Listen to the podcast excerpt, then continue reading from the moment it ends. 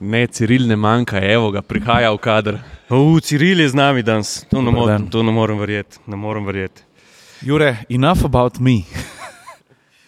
Jo, ljudje, jaz vam sploh ne morem, um, v bistvu imam full treme. Uh, spet v zelo kratkem času smo se spet znašli v, v, v, v templu jeklenih dinozavrov, v parku vojaške zgodovine, v Pivki. Ampak danes z nami je en poseben gost. Ne. Jaz mislim, da ne bom. Uh, Noč na robe rekel, če bom rekel, da je to, uh, da gospod je slovenski Top Gun, slovenski Maverick. Za njim je 22 let letenja na nadzvočnem Migu 21 in gospod je uh, Vojko Gantar, nekoč Idrčan, danes pa Škofiločan, slovenski pilot uh, z veliko začetnico, vojaški pilot. Vojko, dobrodošli. Vojko, dober dan. Hvala vam, Sonja, se vas pozdravljam. Uh, tlep, če smem jaz sam za sekundo leteti, spet moram dati tisti poziv za vse, ki poslušate in ne gledate. Res, uh, še enkrat poziv, pojdite pogledat, skočite na YouTube. Nismo v atmosferskem brlogu, ampak sedimo pod krilom Miga 21 in ta scena, ta setup podcast je za nujno za pogled. Desetonsko letalo je bilo, ne, Vojko. Dobro, to je malo menj, to je bilo na 7,5 ton, ne, kaj je bilo. Mi zmeraj gledamo tako, a je poln ali je prazen. Ne, gre na pristanje, je prazen, če gre na, na vzletni, je polno. To je pa tako se giba, recimo lahko tudi dve tone, ne, nosi on približno 2000. 800 litrov goriva, to je približno 75% je v kilogramih od, 2, od 1800, zato je, ker specifična teža goriva je pač 0,75. Zdaj pa rewind. Gremo na začetek, Vojko. Jure je povedal, da, ste, da prihajate iz Idrije. Um, Dajte povedati stavek ali pa dva o tem, kako ste odraščali, kako je izgledalo vaše otroštvo in predvsem, kdaj je prišlo to zanimanje najbrž je prišlo v enem trenutku za tehniko, uh, letala in tako naprej. Ali je to prišlo pozneje? Kako je bilo? Pa sploh, če lahko dodam, iz Idrije, Idrija je znana po dobrih pilotih, ampak tistih pilotih, ki upravljajo z jugoti, ne, zreli jugoti. ja. če, če je res. Ja, ampak ja, vi ste, ja, vi, ste, ja. vi ste šli malo v drugo smer. Vi pa iz rudnika na Miga. ja, dejansko Idrija je rudarski in tehnični kraj. E, tam je v glavnem usmerjanje v, v sploh v edukacijo je usmerjeno v, kako se reče, v tehnično kulturo, v, v, v tehnično kulturo kako se reče, strokovno, v naravnoznanstvene zadeve. Ne. Hmm. Meni je bilo tisto dru, družbeno, družbenoslovcev. In tudi mi smo bili usmerjeni, jaz izhajam iz, iz, šir, iz šire familije, ki je bila rudarska familija, medtem moj oče in pa mati so bili eh, frizeri, moški frizeri. Eh, medtem oče je končal po ki je prišel iz Partizanov zaradi vseh tistih zadev, davkov, doklad otroških, je šel v rudnik in je tudi on končal kot rudar, ker eh, privatnik biti ni bilo tako enostavno. Eh, odraščal sem v dobri familiji, v, dobre, v dobri družbi, z zdravim duhom, rudari so taki Kleni. izjemni. In, eh, moj oče me je usmeril skozi šolo, me je usmeril razno šolo, v glasbo. On je imel rad glasbo in mi smo eh, bili štiri otroci, moj starejši brat in dve mlajše sestre, smo vsi šli tudi v glasbeno šolo.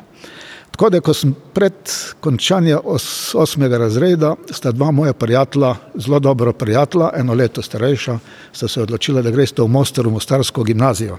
To je letalska gimnazija, imenovala se PŠVVA, to je pripravljalna šola Vzduhoplavne vojne akademije. Seveda, jaz nemam šanso, da grem po rudarski stroki v, eh, za učice, odnosno končati srednjo tehnično šolo, rudarsko, metalurško, imel sem glasbeno šolo in imel sem potem tudi to izbiro. Eh, Fotor mi je rekel, nas so otroke zmeraj pustili, da se sami odločamo, neč pritiskov, neč nas niso vodili po eh, tipu, kot zdaj velika dela, da je otrok projekt staršev.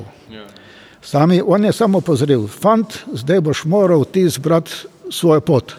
Ko sem bil star 14 let in jaz sem začel že premišljati, kaj bom. A bom šel v glasbo, katero sem je zelo usmerjen, igral sem flauto, ki je zelo primankvalo v, v, v tem orkestrih v Sloveniji. Odkar naprej sem govoril, da bom šel v opero špilat. Kasneje 8 let sem je špilal in eh, sem bil tudi v rudarski godbi, a ne že, že čist mulc. In kaj se je zgodilo? Zgodilo se je, da se je pojavil ta, ta zadeva, letalstvo in to me, moja prijateljstva šla in tudi mene je zanimalo, sem rekel, tudi jaz bom šel. E, Dejansko sem si pa zrihtal štipendijo za tehnično šolo rudarsko, za metalurško, za, eh, to, za glasbeno šolo. Eh, da, vse sem sam napisal prošnje, vse mi je bilo obrejeno, sem šel sem polagati spit za tehnično šolo tam v Vaškerčevo v Ljubljani, naredil sem spit, eh, tako da s tem vse pripravljeno. A, pa, a ste predtem sploh gledali v nebo?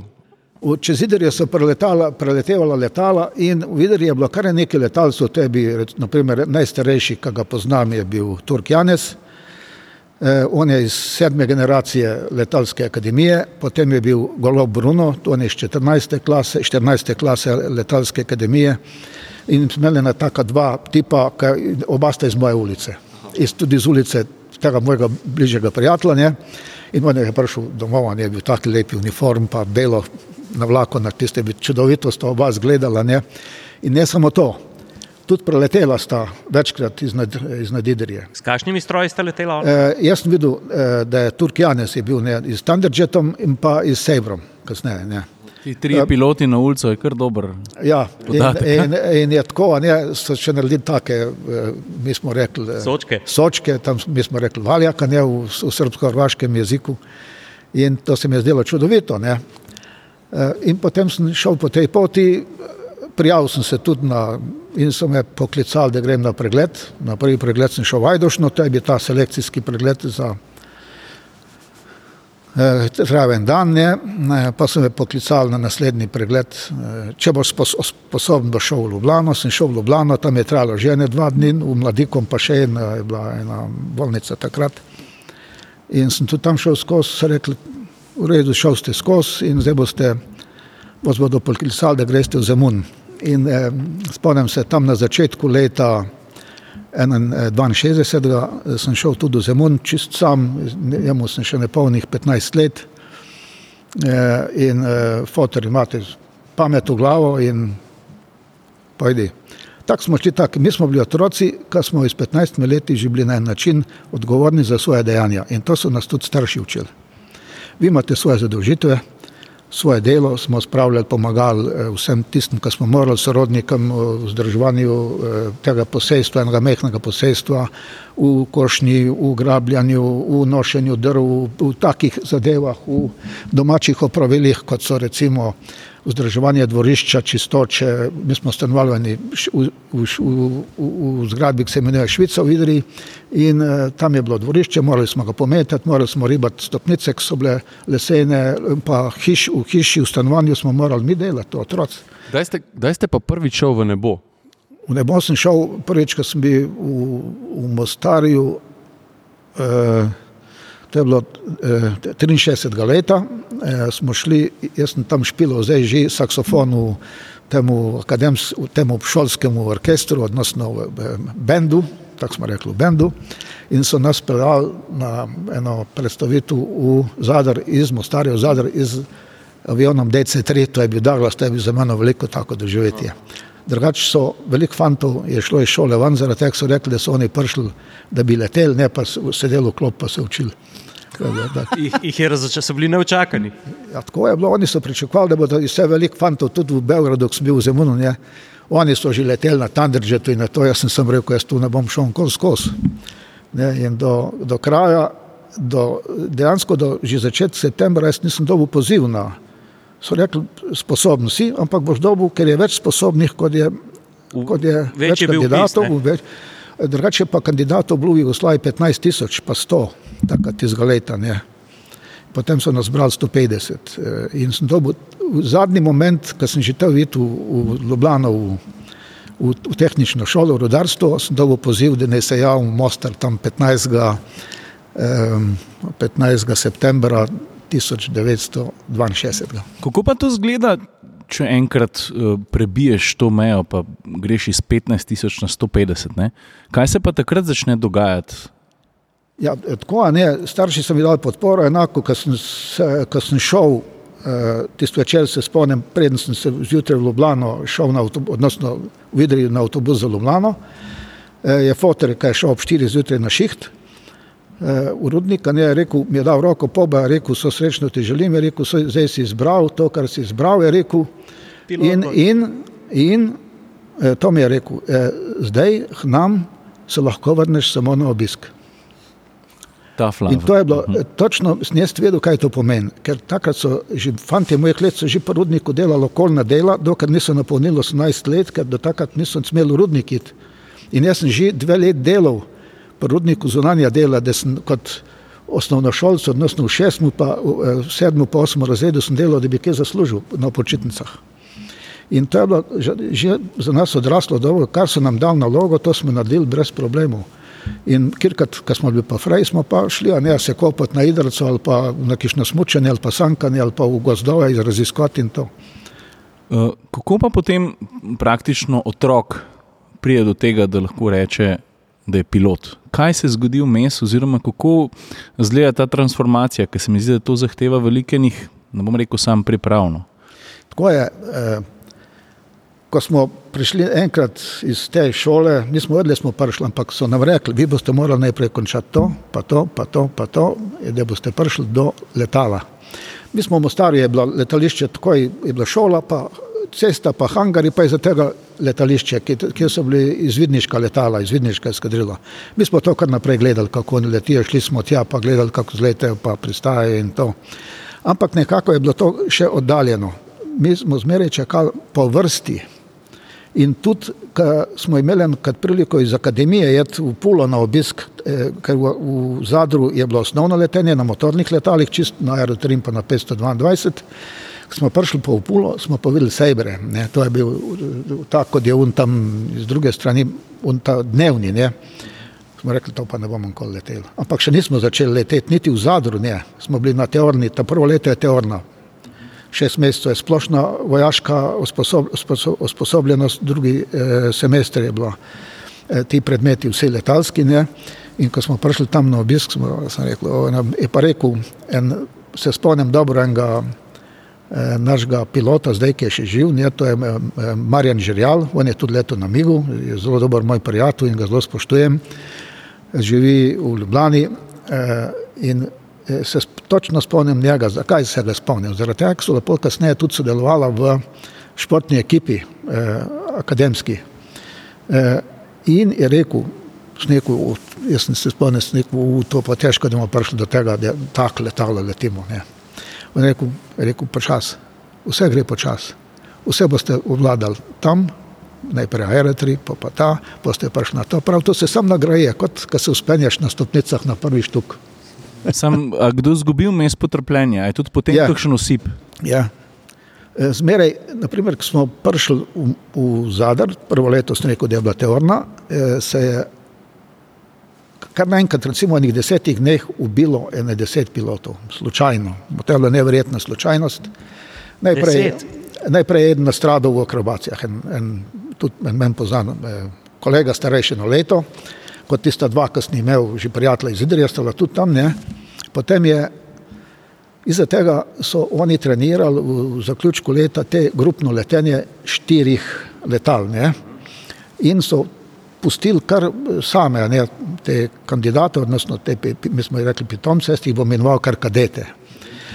So šli štiri, najprej poletita dva v paru, potem pa dva in ko se ta druga dva jih prideta blizu njih, se pristrojita, mi smo rekli, pri, približata, se je ta eh, vodja drugega para, to je prvi par, to je drugi par, se je približal in udaril iz Aliso v eh, trup tega in takoj sta dva taš padla dol. To, bilo, to so bili trije. Ne, skupaj sta prvim, ne, in še ta dva sta bila sama, trije, tista dva zunanja, ta zadnji pa da ta prvi sta ostala, sta odletela naprej in uprava akademije je takrat naredila tak, bi rekel, presedan, da je ponovno uvedla, da so v tem grupnem letenju v, trenaže, v trenaži so leteli tudi inštruktori zadaj. In so spet poleteli dva, en par naprej z inštruktori, drugi par z inštruktori, spet pop, isto. Zdaj, zdaj, zdaj, zdaj so, so pa že štirje. štirje ja. In potem so enostavno nehali leteti te skupine. Ne. Oh, shit. Potem je pa še en, pa še en, so po eni delajo na akrobacije, spet tam nek, pa še en. Tako da takrat, ko se je to zgodilo v kratkem času, Mal grdo rečen, prostor se je naredil. ampak se je velike, kar, kar šli so ven, dosti je meni tega. Jaz sem mu sodeloval. Aha, to se sam, torej- sam pogrebe, sam druge so zložili tam štiri Psihološko. na bi- stajn in mi smo pač gledati. Uh, Vojko, kaj pa prej, ko ste omenili šest mesecev teorijo, ne? to je bilo kar zgoščeno. Kaj pa je bil najte, najtežji izpit, kaj je bila najtežja kontrolka na letalski akademiji? Ma, jaz bi rekel tako. Uh, in v gimnaziji v Mostaru jaz sem hodil dve leti, ampak smo končali štiriletno gimnazijo. To je bila prva generacija tistih moja prijatelja, ki sta bila štiri, v dveh letih. Velik odpad je bil, v, v drugem letu, velik, letniku velik odpad, v tretjem letniku eh, je bil velik odpad, po četrtem so že naredili, da je triletna. V peta generacija je bila pa že štiriletna. Enostavno je bil prevelik odpad, zaradi tega, ker moramo razumeti, da mi smo, ko smo prišli iz slovenskih šol, je bila kvaliteta izjemno visoka in smo lahko vladali. Jaz sem se zraven tega sem se bavil športom, pa in z glasbo, ampak sem obvladal. Ampak eni so prišli iz, iz vasi po Srbiji, Makedoniji, Črni Gori, kjer je bilo od prvega do osmega razreda, so vsi bili pri enem učitelju. Zdaj pa vi sami vidite, kakšno so oni imeli stopnjo izobraženosti po, po predmetih, posebej po matematiki, fiziki, kemiji in prirodoznanstvu. Ne? Slabo. In oni niso mogli vladati in so enostavno odpadali. Zato je bil vsi velik. Ne? Ja, pa to je tudi Boštjan v tistem podkastu rekel, da smo Ja. bili dobri podmorni, po, podmorničari zaradi. eh, Ja, odlično. Ja. Največ eh, slovencev, procentualno, eh, ni bilo v, v pešadi, sploh ne, je bilo v ABH, to je kemija. In moj stric je general podpolkovnik, bil ABH, naprimer, še, je živel v Beogradu. Potem je bila tehnična služba, ki je bila v Zagrebu, največ slovencev, Mornariška tehnična akademija, te, potem Mornariška akademija in letalstvo. Od Slovencev je bilo približno 10% v Jugoslaviji in tudi nekako tako, tako so te, te oblastniki, a ne ti, ki so vodili eh, eh, armado, so rekli, da mora biti zastopljeno procentualno eh, ta sistem armadni. Medtem v letalstvu je bilo 15%, v mornarici je bilo 15%, v tehnični akademiji 15%, v pešadi je bilo po 5%, odnosno v pehoti, da se tako eh, izrazimo. Ne. Prej, ko sem vprašal, kdaj ste šel prvič v nebo, sem mogoče mal uh, ciljal na to, kdaj ste šel prvič po akademiji v nebo. Uh, to me pol zanima, tisti pol naslednji korak. A no, iz akademije, ko smo, eh, ko sem odšel, eh, sem bil premeščen v, v Skopje. Končal sem v Puli, ne, tretji letnik, dva letnika so bila, odnosno štiri semestri so bili v Zadru, potem eh, pe- peti in pa šesti je bil pa v, v Puli, no, to je bila specializacija. Jaz sem bil odrejen, da gremo v lovsko letalstvo, to je bilo pa na tistem Sejbru F-86E, tisti iz, eh, iz Koreje. Ne. To je že reaktivni lovec. To Ne? je reaktivni lovec, ampak predtem sem letel najprej na, na TV2, to je ali pa T33, podobno ti smo tam držali tudi tam in eh, to je bil dvoset in z njim smo leteli, smo tako imeli instrumentalno eh, eh, teorijo in usposabljanje, eh, tako da smo se naučili leteti v oblakih, ker velika je razlika med vizualnim in pa instrumentalnim letenjem. Eh, Potem smo šli pa na Sejbra. Sejber je pa za mene najbolj čudovit avion, ki sem ga letel v življenju. Zakaj? Ja. Uh, on je najprej imel eh, zelo urejen, lepo urejeno uh, kabino, kokpit, ko se imenuje kokpit, uh, je odlično urejeno, odlična instrumentalna tabla za nadzor, mali bi problematičen za užik, si moral zelo pozoren biti, da nisi eh, preveliko temperaturo, nekaj temperature predvsej uničvala ta iz, izpušno cev. Ampak drugače bi pa za letne lastnosti, za vožnjo po zemlji bi kot limuzina. Pa za leten, letenje kot limuzina je imel kapljasto kabino, ki si sedel visoko gor in se vse videl okoli, odlično nadzorovanje vsega, ampak druga je bila pa gibljivost. To smo mi rekli v Srbiji, odnosno v srpskem jeziku, pokretljivost. Ja. Čudovit, on je bil kot eh, eh, se imenuje čigra, čigra je pa tista brle, svrtavka. Ja, ja, ja. Ne, eh, in je bil neverjeten, neverjetno letalo. Mi smo ga, od tisti, ki smo ga leteli, smo ga oboževali.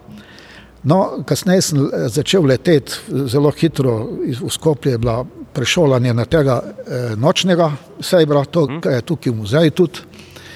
Eh, on je bil pa na drugačen način čudovit. Amerikanci so res dal veliko na luksus. Na Pa udobje. izgled, na udobje, na osvetljenost, na dnevno, nočno, v meglenu, eh, kar se je bliskalo, so osvetlili kabino, da se ti bliski niso motili, naš nočni vid in tako naprej. Eh, Je bilo, na, na drugi način je bilo manj gibljivo, eh, zaradi tega je bilo tudi teže, ne tri tone. Ne, eh, bel, malo daljše, eh, težje, ampak je bilo neverjetno, za tiste čase je imelo že noter avtopilot, pa, pa ALS za avtomatsko privodenje na pristajanje in tako naprej. Ampak tu vojko govorimo že o prvi generaciji resnih vojaških reaktivnih lovcev po drugi svetovni vojni. Ne? Tako je, e, to so bili najprej prišel k nam Thunderjet in TV2, ne, odnosno T33, to je naš naziv TV2. Pa, se, pa je prišel pa naslednji bi Saber Raid, dnevni lovc, pa je naslednji bi Saber Day, ne, ker je bila tista kriza iz Rusije, smo potem pač dobili njihovo opremo. In eh, In tu so bili že tako vrhunsko opremljeni avioni. posebej Saber Day, ampak tudi Saber je že imel tisto, on je dejansko namensko dnevni lovc. Ampak tebi pa nočni, pa ima še nočno opremo, pa še radar, zelo močni radar, ne za gledanje okoli. Jaz imam samo eno vprašanje. Prej smo govorili o enem mojem prijatelju, katerega oče je letel s Sebrom. Um, pa drži to, da ti prvi reaktivci, ki so potem seveda leteli tako visoko, da niso imeli dobrega, dobre zaščite pred radiacijo? Ja, Ker se mi zdi, da mi je takrat rekel, da je vsi ti isti prijatelji, kolegi, ki so z njim leteli, da so vsi, um, da jih je rak vzel. Eh, Dosti je tega, eh, to so šele kasneje odkrili, to je iz dveh razlogov. Točno je ta zaradi radiacije, on je šel približno do 15 tisoč metrov ne, in je takrat je že slaba zaščita od sončnega sevanja, ne, od sončne radiacije. To je bila ena zadeva, ki je zelo eh, lahko vplivala na eh, to, tudi jaz vem, da je veliko teh kasneje, ki so prišli že na, na te civilne letala, na DC-9 in tako naprej, na Karavelo in to, da so kasneje umrli zaradi zaradi raka. Eh, druga stvar je bilo pa, da so vsi ti inštrumenti, ki so bili not v kabini, bili vsi premazani z radioaktivnim fosforjem. Zaradi tega, da so se videli oni tudi, mi smo imeli osvetlitev. Ampak za slučaj, če pride do elektroodpovedi v letalu, je Tebi, on, vse, on vseeno sveti, ampak smo vsi nosili še svetilke zraven. Ne? In ta, eh, ampak teh inštrumentov je ogromno in oni zelo vplivajo na, na ker so radioaktivni. Ne? E, preden gremo naprej, jaz moram to vprašati, ker vas je oče s takimi močnimi besedami v svet poslal. Uh, Poslal je um, fanta 16-letnega Ja. v svet, nazaj do pilota Miga. A vi ste tudi preletel enkrat nad Idrijo z Migom? Pa... Ma jaz ne, ne dvakrat preletel, ne vem, je bila. Eh, Se vrnil malo tako? to, se, to se zdaj vsi drži, ne spomnijo, zmeraj, ko pridem, a je rekel, da bo še pač neko gotovo. je." Zdaj sem prišel sam še, v, da bodo prinesli sneko na, na, na zaključni del, ne. ker sem rekel, da me raztrosijo pepel v Idrijo. ne. Eh, pol, ker vsi, vsi pravimo, vsi gremo na, na, na pogrebe svojih prijateljev, mi mislimo, da bomo povečni, malo morgen. Ne bomo večni, mi vsi gremo na tej poti, en prej, en kasneje. ne. Vojko, pa takrat, ko ste prišli z Migom 21 nad Idrijo, a je bil afterburner z tega? Ne, ne, ne. eh, Zaradi tega že tako ali tako ne je. Idrija, jaz sem prišel precej nizko, tako da sem prišel recimo tam iz smeri nekje Logaca, pa sem se spustil gor v tisto dolino. S- eh, Idrica je sever-jug približno in od juga proti severu gre proti, proti Tolminu. Ne. Iznad spodnje Idrije naredim zavoj, eh, levi zavoj, pa pridem tam Kobalove planine, izpod Kobalovih planin eh, je pa moja rodbina, ne, pa sem se pa takoj po tisti jarku dol spustil, pa pa vzignil, pa naredil Mislim- ne dva valka in pa je bila ne mal, mal šova. Mislim, e, v Idrijo je težko že z avtom priti, Ampak, če le z migom. čak, čak, čak, zdaj le moramo, zdaj le moramo vršiti kost. Uh, Vojko Kuk, uh, takrat, ko ste se dvignili ven iz, uh, iz Idrijske kotline na Valčke, koliko je bila takrat približno ground hitrost? A to je eh, preobremenitev, gej, Ne, uh, prav, koliko hitro ste letu. a ne 800, 800 ali 900. No, fantje, fantje dirkači v Idriji, zdaj imate nov izziv. Ne? Ne, Jure, ne. Ne, če se že sam za vojne okoli, eh, če grem, jaz sem prišel recimo iz, iz 1000 km na uro, pa proti zavoj se že zmanjša hitrost, ampak moram imeti preobremenitev, da naredim zavoj oko Kobalo in planin, drugače je radius takoj 10 km, tam imam pa sam 5 km. Ne. In pa se spustim dol, pa ni problem več, pa, pa že grem po dolini, pa skozi dolino, iznad tam naše domačije, stare in pa, pa gor, vid, videl sem celo, ko sem se nagnil, da je moja mater eh, drugič, ko sem, ko sem šel dvakrat, ne, sem naredil dva, da je moja mater dol eh, bila iz, na tistem dvorišču. Zdaj pa, zdaj pa moram, ker smo že začeli. A, je- a je bila to najhujša, kar ste v špiču? Ja, dejansko eh, sem se, eh, na en način je bilo to ušpičeno, z druge načine se, eh, pa nikoli nisem šel ad hoc, brez priprave. Zmeraj sem tudi moje eh, kadete in vse, kar sem bil poveljnik, sem naučil, da človek lahko izziva srečo neštetokrat, dokler se ona ne utrudi, kaj ga nosi na hrbtu. Zaradi tega ne izzivati nesrečo. Rekel, Zmeraj se pripravite za vse, kar hočete narediti, tudi včasih, kar je izven naloge. Amen. In potem jaz sem se pripravil, bom šel tu, bom šel tu, bom šel tu in na te višine, na te višine, na te višine, na te višine, tako da sem naredil in pa neč dol nizko, na kišnih pet metrov. Zakaj? Ker en star človek, ki hodi s palco, naenkrat, ko prihrumine letalo, pade, pade in si zlom nogo. Ne, in pol sem jaz odgovoril, to se mi je zgodilo, da me je obtožil recimo poveljnik divizije, ko sem vstopil, se je bilo zelo izjemno slabo vreme. Sem šel na eno, eno nalogo, me je vzdignil iz dežurstva, ne protizračne obrambe in potem jaz eh, šel na to nalogo, ko sem se povračal, da ne bi šel na, procedura, na proceduro probite oblake, sem videl tam eno, eno, eno, eno, eno režo skozi oblake in sem prišel iz, iz, iz, iz nadskoplja, čist nizko, recimo na 100 metrov. Eh, Sem na tistem sejbru, da 100 metrov ni tako nizko, ne, ni nič katastrofalno. Problematično je 10 ali pa 5 metrov. Tu moraš biti pa že vedeti, kam, kje greš in da nikišne antene, kaj ne boš videl. Ne, in in sem šel tja čez in je preletel gor komandant divizije rekel, tam si šel, pa je eden zlomil noga, nekaj je gledal gor, pa je, pa je padel. Ne.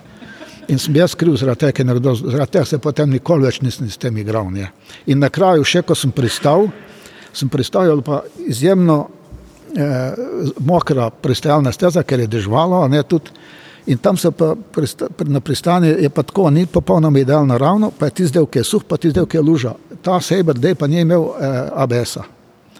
In ko sem recimo malo pritiskal zelo previdno, ne, je on skozi lužo je drsel, ki je pa prišel na, na površino, ki je suha, Je pa eh, je pa, je pa zagrablo in je samo odrezalo, kot iz britvijo ti odreže gumo in to se je veliko dogajalo ne, v letalstvu. Um, potem pa, če lahko naredimo ta preskok, ne, eh, ko je enkrat treba pa se soočiti z Migom 21, če jaz prav razumem, je to vsem hud skok v zmogljivosti. A je bil, kakšen, je bil, kakšen sem imel občutek, preden ste prvič sedel v njegov kokpit? A je to bil dvosed ali, ali pa ta respekt, pa to, kaj gre pilotu skozi glavo, preden se ga lot? Ja, jaz sem letel na Day, nekaj je bil tak zahteven, ko sem prišel na Miga, eh, sem rekel, "U, kriz, kriza, kriza, da je tako mehen kok, kokpit in pa tako neugleden, slabo opremljen. Ne. Tako da sem, kar se tiče te opreme, udobnosti in vsega, sem prišel iz konja na osla. Kar se pa, To, to so bili, um, ruska, ruska letalska šola je, je pilote pripravljala na to, da, da ni udobje. točno, oni so, oni so rekli, da 35 minut do ene ure boste že zdržali tudi v takih pogojih. Ne, on je imel sedišče slabo, precej trdo in eh, te, padalo se je delo, no- delalo noter vsak dan, ampak eh, so to mehaničari delali, potem eh, ta priprava je bila malo daljša in udobje je bilo pa slabo, ne, tudi osvetlitev za ponoč leteti je bilo slabo in tako naprej, ampak kar se pa tiče tehničnih zmogljivosti, Kar se tiče letnih zmogljivosti, to je pa dr- drugačna pesem. Smo pa imeli malo respekt nad, nad tema, ne, da je to vseeno izjemno hitro letalo, zmožno letalo in katere bo šlo iznad naših pričakovanj, čeprav je forsaž, pa tisto, a ne zadeve, je imel tudi Day, ne, pa padalo, a ne zaviralno je to, je imel vse Day, ampak ta je bilo pa bistveno hitreje. ne. V vseh teh proceduralnih zadevah, kad greš na, na vzlet, na, eh, potem recimo te šolske, šolski krog je ta, eh, kro, ta to je ena, ena standardna zadeva, ki mi rečemo v šolski krog, ne dovoljeno v šolski krog, da potem narediš pripravo za pristanje. Je bilo izjemno hitro. Ne, to je trajalo dve minute in si moraš narediti to, moraš narediti to, moraš manjšati hitrost, pa gas dol, pa zavore ven, pa, pa, pa spet zavore noter, pa gas, pa pod, podvozje ven, pa, pa potem flapse ven, potem pa prilagajaš hitrost, tisto točno nekaj, veš in tako. Kaj pa obremenitev? Uh, vsi vemo, da Mik 21 je bil prvi tako rekoč veliko serijski avion, ki je bil dejansko v svojem času najhitrejši. Ne. Ground hitrost, ki jo je dosegel ta eh, reaktivni lovec, je, je bila 2400, se mi zdi, km na uro, ne, kar je nepredstavljivo. Kakšne so bile pa te vaše obremenitve? Ne? Ker, eh, ok, vse ste rekel, Saber je bil full hitter, full ukreten, ampak ta je bil pa nova stopnja, kar se tega tiče. Koliko geja ste doživeli, naprimer, v MIG-u 21? Ja, kar se tiče geja, sem tudi na Saberu doživel 10 gej, pa tudi na MIG-u 10 gej. Uh -huh. Je pa ta problematika, da na, na, če ima letalo manjši hitrost, potem je tudi krajše traja ta velika obremenitev. Kaj pa večjo hitrost, ima večje lo, loke in eh, v vseh teh lokih, recimo, največja obremenitev lahko v, v, v ostrem zavoju. Uh -huh. Tam sem tudi veliko, do 10G, pa težko po 10G je huda zadeva, ker tudi če imam antigeo-obleko, ki mi ščiti, da mi kri, da se mi uh, steka dol v, v, v končine spodnje, uh, je problematično. Uh, problem je izdrževati. A jaz ti zdržim tok in velikrat se zgodi, da prideš na mejo, čutiš, da, da boš padel nezavest, odnosno imaš predznak eh, rdeče megotanje v očeh, pa pa iz tega pride, pride črno, ko pride črno, izgubiš zavest. Jaz sem jih sam dvakrat izgubil. Tako. Eh, A v avionu, v kokpitu? V avionu, v avionu. Ne, ne, v avionu. Ampak zdaj, kaj je ta problem? Vem, kad sem tako nategnil in, dr in držal, ne, ampak se napnem iz vse sile, ne, takrat sem težak 800 kg. In zdaj za 800 kg mi gre krimi dol, srce mi pa pumpa, da tisto kri vrne nazaj. Ne. In zdaj se zelo močno obremenitev eh, srca. Lepo je en tako godje, če imaš 3G. Medtem tisto rata hudo, neugodje, kar rata 7G ali pa 6G ali v akrobacijah ti stalno vrtiš iz iz 5G. To moraš se pa kar napenjati, napenjati, napenjati in bole, bolečinsko je in tisto, tisto, tistega mi je bilo potem do tukaj. Sem nekaj, da vprašam, ali takrat se je pilote testirali, obstajala centrifuga ali kako se je testirali pilote? E, mi smo imeli ene take zadeve, tisto je za orientacijo v prostor. Nismo pa imeli še veliko centrifugo, da nas testiral. To so šele kasneje, ne kasneje zbiži ko se pravi šef eh, pilotov ali pa poveljnike skadrile so naredili v, v, na Batajnici veliko centrifugo, ki so testirali vse kandidate. Jaz, jaz ne vem, a vaju nič ne zanima, kaj se zgodi, ko pilot pade v nezavest. Mislim, smo šli kar mim tega. Ste rekel, samo dvakrat ste padli v nezavest. Ja, zgodi se to. To tesno hotel nadaljevati, ampak sledijo hitro vprašanje, pa pa moramo ja, ja, odgovarjati. Kaj ne? se zgodi, če, če te zmanjka? Mislim, kako... Eh, najprej se to je tipično, ampak eh, dokler jaz popustim, da pridem tista misel, ne, eh, rdeče, se bomo vladali, ne, mi, mi že grejo tiste rdeče fleke, pa naenkrat je pa črno. Ko kar vidim črno, neč ne vem več. In kaj pa pol? Neč, pa se pa naenkrat zbudim in gledam, kje sem. Ja, no, ampak pa... In jaz ne vem, kje sem, to je najhujše, to, kar se je dogajalo, v tem to je bilo hudo. Da tistega trenutka, ko sem jaz prišel spet k zavesti, a ne se to je, v trenutku se dogodi, nekaj meni spet pride kriv v glavo, to traja mogoče par sekund. Tisto. Ampak v par sekundah pri tej hitrosti. E, hitrost ni tako, recimo jaz sem v enem zavoju iznad, iznad letališča, kad delam zavoj za prihajanje v šolski krog iz ene tisoč km na uro in potem dobim tako preobremenitev, to je e, ta e, centrifugalna sila in jaz se naenkrat se zbudim in zdaj prva prvi moment gledam, kje, sem, kje se nahajam. Sploh ne vem, da sem v aeroplanu. Ampak potem eh, pa ha, zagledam, ta, tu sem, potem zagledam, v kakšnem položaju so, kje sem. Potem mi pa vse se vrača, zelo hitro se mi vrača. In, potem, in tudi, recimo, če držim jaz palco na sebi, jaz moram držati palco na sebi. V tistem trenutku, ko, je, eh, ko me zadene to, da padem v nezavest, jaz dejansko popustim palco, ker te refleksni. Eh, momenti mi pustijo, jaz ga pustim in kaj naredi, letalo sam na mesto, da gre po krivuli, on se samo pusti, sam tako gre. Tako, ne. Uh -huh. no, gre kar ono, dol. Ne. ne, ne zgubi kar vzgona. Ne, ne, ne. Vojko, uh, ste eden tistih slovencev, ki ste šli na samo mejo uh, naše zemlje. Ne?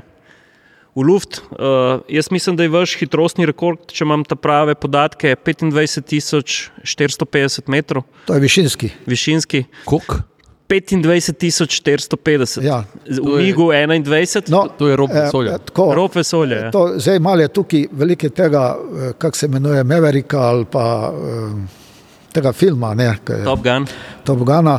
Eh, Jaz sem enkrat izjavil tu na televiziji, prav tu, ne, da sem bil na tej eh, višini, ampak eh, potem je pa speaker, kao on je najboljši pilot na svetu in največji in rekord tega in rekordka. Jaz sem potem popravil. Namaram, da se to govori, da sem najboljši pilot. Ogromne pilotov, ki so odlični in jaz sem eden izmed mogoče dobrih pilotov, zmeraj nisem sebe, za sebe nikoli rekel, da sem odlični. Jaz sem preživel in zaradi tega sem dober pilot. Veliko mojih prijateljev je preživelo, pa so bili dobri piloti. Veliko se je pa nesmrtno ponesrečilo, pa so bili tudi dobri piloti, ampak niso imeli ne veliko sreče ali pa so prišli v tako situacijo, da so šli velikrat sem hodil po, eh, večkrat po, po, po pogrebih kot po rojstnih dnevih. To je resnica, ampak problem je v tem, da jaz sem dosegel to višino, da je to, kot ste rekel, eh, dva- 25.450 in dosegel sem hitrost nekje kot 2400, blizu 2400, ampak takrat se že našteje ta hitrost. To. Zdaj, ker on ima tri hitrosti, ima maho hitrost, stvarno hitrost in instrumentalno hitrost, to ima inštrumente noter. Eh, O tem ne bom, ker je preveč dolga zdaj Zgodba je. zgodba, eh, kdaj se gleda maho, kdaj to, kdaj se pretvarja, recimo, eh, in tako naprej. Kaj pomeni ta maho število iz višino, eh, on je v funkciji temperature, Kelvinov, ne, in tako rečeno prevedeno v, v drugomerni sistem. Eh, in eh, zdaj je bilo takoj famo, v ti si najviše bil v Sloveniji. Ne? Naš ne rečem. V Sloveniji je slovencev, mojih prijateljev, mojih kolegov je bilo veliko.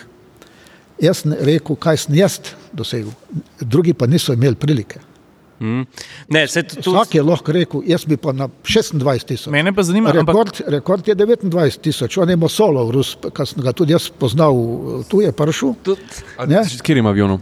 z takim 21, takim, ja. ja. Koliko je šel? Na, da, On je na 29 tisoč, Devet in ampak do- problem je, da horizontalno lahko letimo na višini devet- 19 tisoč, to je Armstrongova meja, na kateri lahko letala, ki so iz, eh, iz zunanjim eh, oksidatorjem narejena, lahko letijo na te višine. Iznad te višine mi letimo samo kot izstrelk, to mi šibamo dol nižje hitrost in potem iz 1,9 maha šibamo gor, v nam počas mah pada, pada, pada, pada in pride, kdo pride više. Moraš imeti idealne pogoje. Mosolo je prišel na izjemno visoko. Na vis, Mo- višino. Mosolov je dvakrat to ponovil, kot tudi slučajno, ko sem si včeraj um, malo študiral zgodovino ja. Miga 21, uh, sem dobil podatek, da je Mosolov 31. oktober 1959 absolutni, uh, absolutni hitrostni rekord tistega Ja, časa ja. postavil.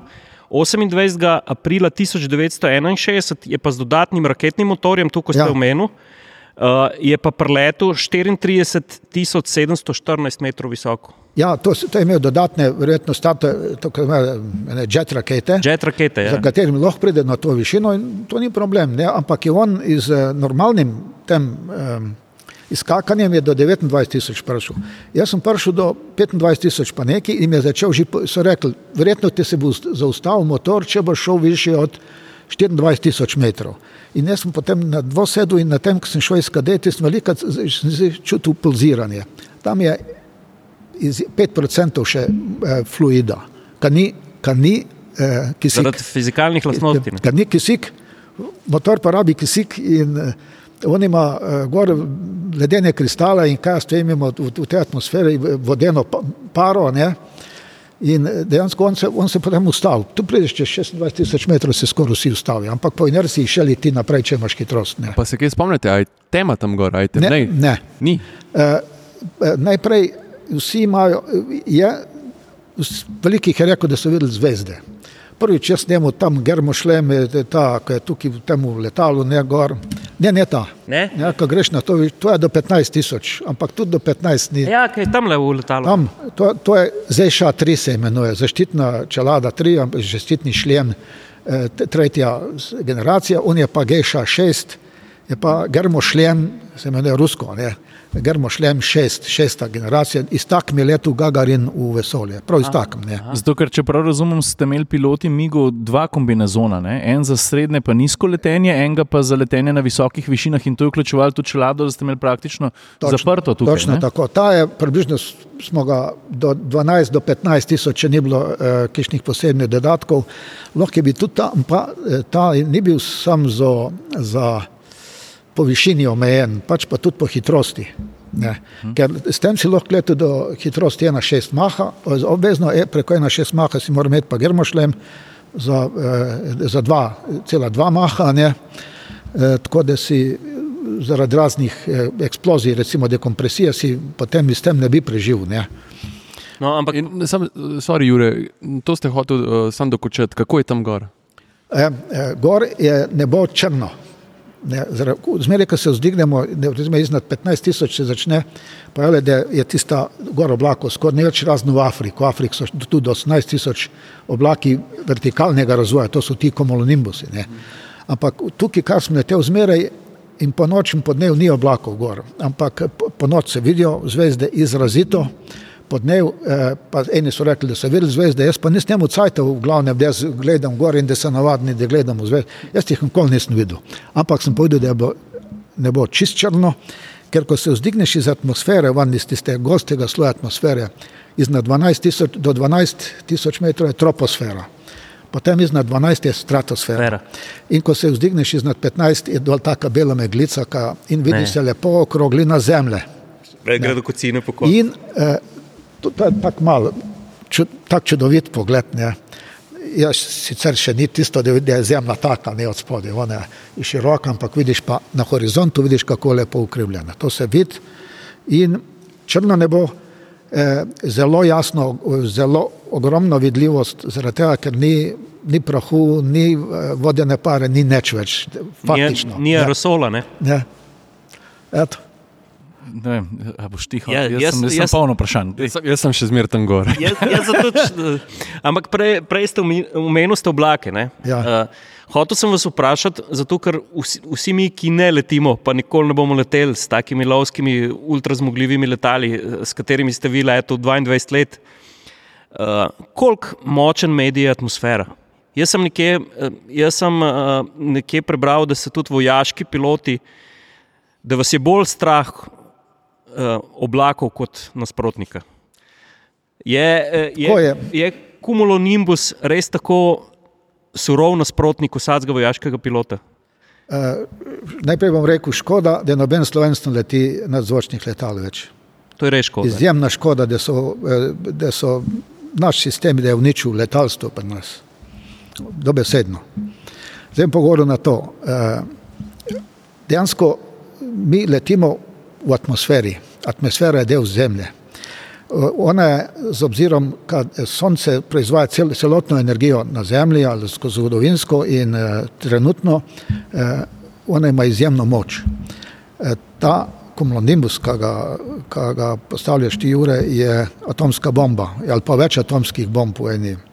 In ima neverjetno moč. In nam je bilo sploh svetovano, eh, ali pa bi rekel prepovedano, medtem, da, da gremo v njega. Da če se le da, da gremo okoli njega, če se le da, če se le da, če se le da, ampak kjerkrat nas pa matra firbec, pa gledamo, kako se on strah, razvija njegov višino in on je tako lepo obrobljen, pa bel, pa osvetljen, pa še zlato obrobljen. Tisti so najkrasnejši, ampak so najhujši.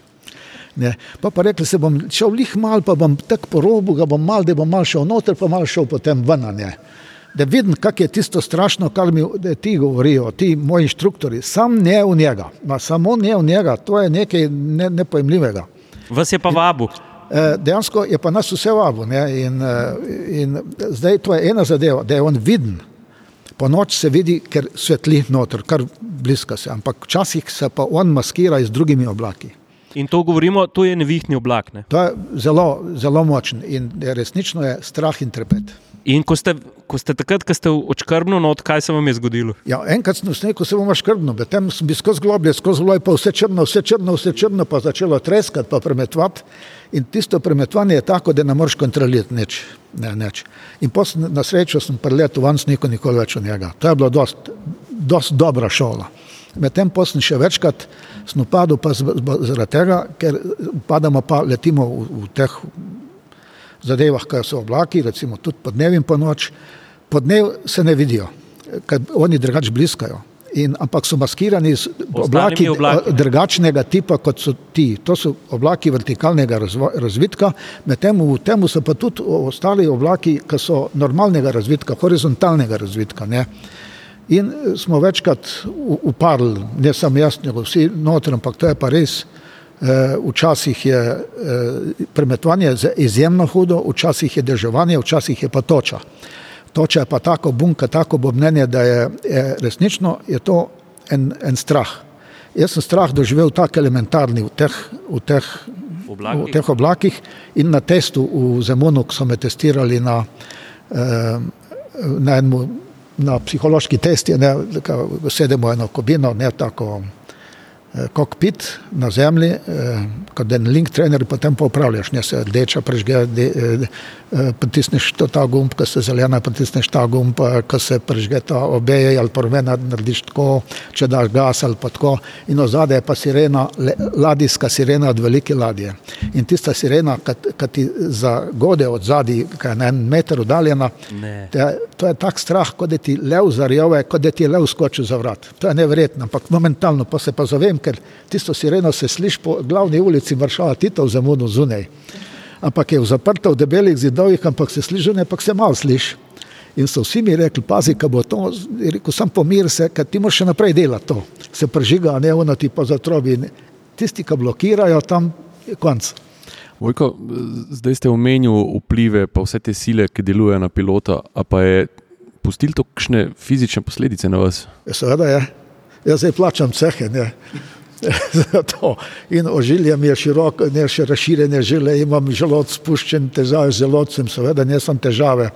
Spuščena pač pa tudi eh, gastritis in potem razširjene žile, iliakalne v- do- in take poškodbe, ne da ne govorimo vse. Je to zato, ker ste toliko dolg časa letu? Ali, eh, kaj, kaj, jaz sem prebral tudi en intervju z vami, no, revija Delo je objavila nekaj časa nazaj in sem prebral, da ste vi izjavili, da ste letu z migom predolgo.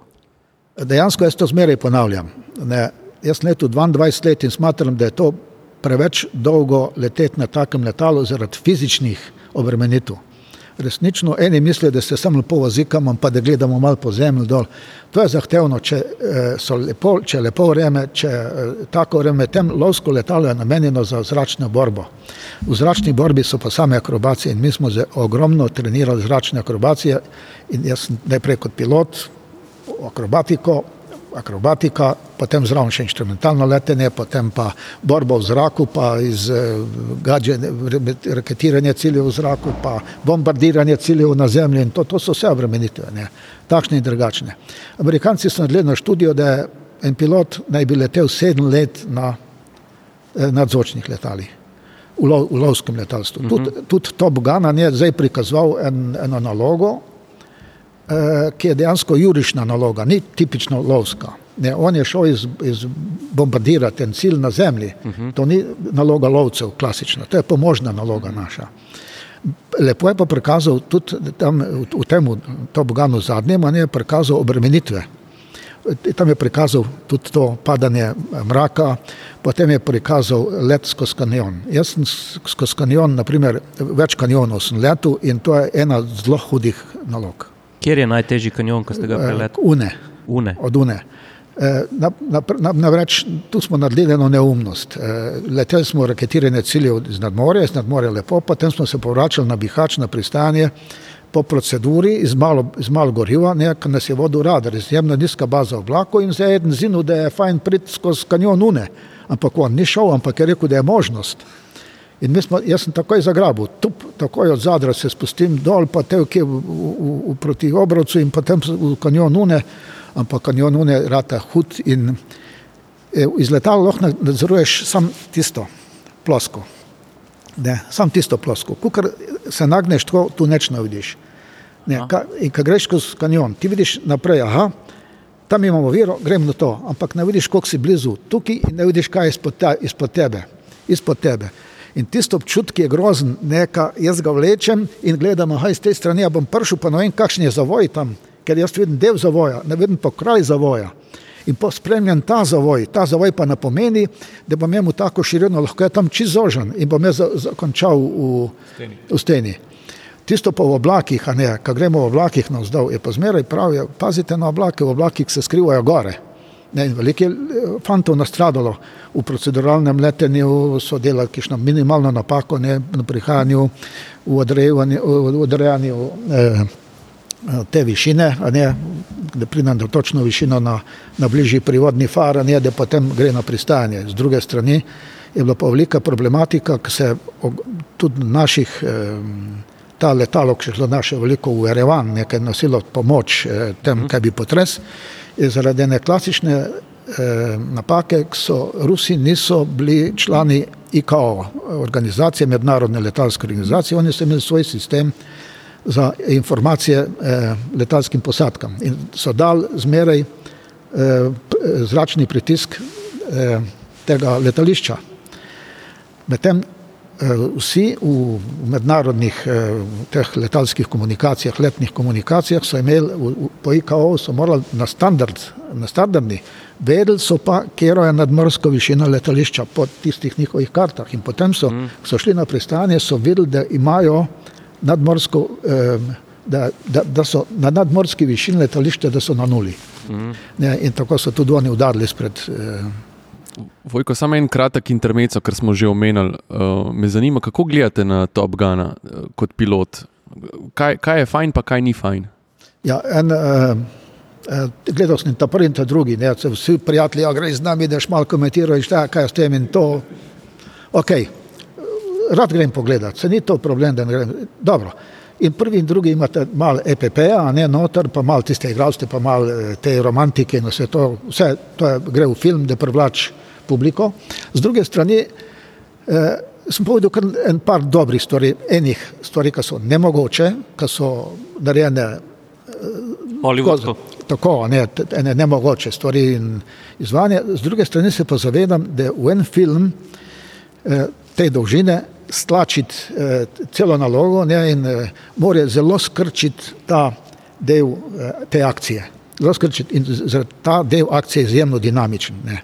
In ta dinamika, če nisi malo furano, to eh, ti zgleda strahovito, um, ne, nemogoče, to posebej za publiko, ne, ampak je privlačna. Ne, in, ampak daje pa podatke, kakšni so napori, na kakšna koncentracija je tega eh, narejena, eh, da tudi če razvlečemo mal, je predvsej huda, huda zadeva, nikar tako ne. Jaz imam, jaz imam eno vprašanje. Eh, Torej, MIG 21 ima konfiguracijo kril, to je delta krilo. Ne? Če jaz prav razumem, pa kako sem uspel se naučiti, da je to mal specifičen način obnašanja letala, pa da je bil tudi izjemno odziven v primerjavi z drugimi. Ne? Zdaj, a drži, da je ta sočko, soček lahko MIG 21 naredil v sekundi? Da so bili taki, pa tudi druge stvari, tudi vzletna pa pristajalna hitrost, da sta bile neprimerno višji kot v drugih letalih. Ne?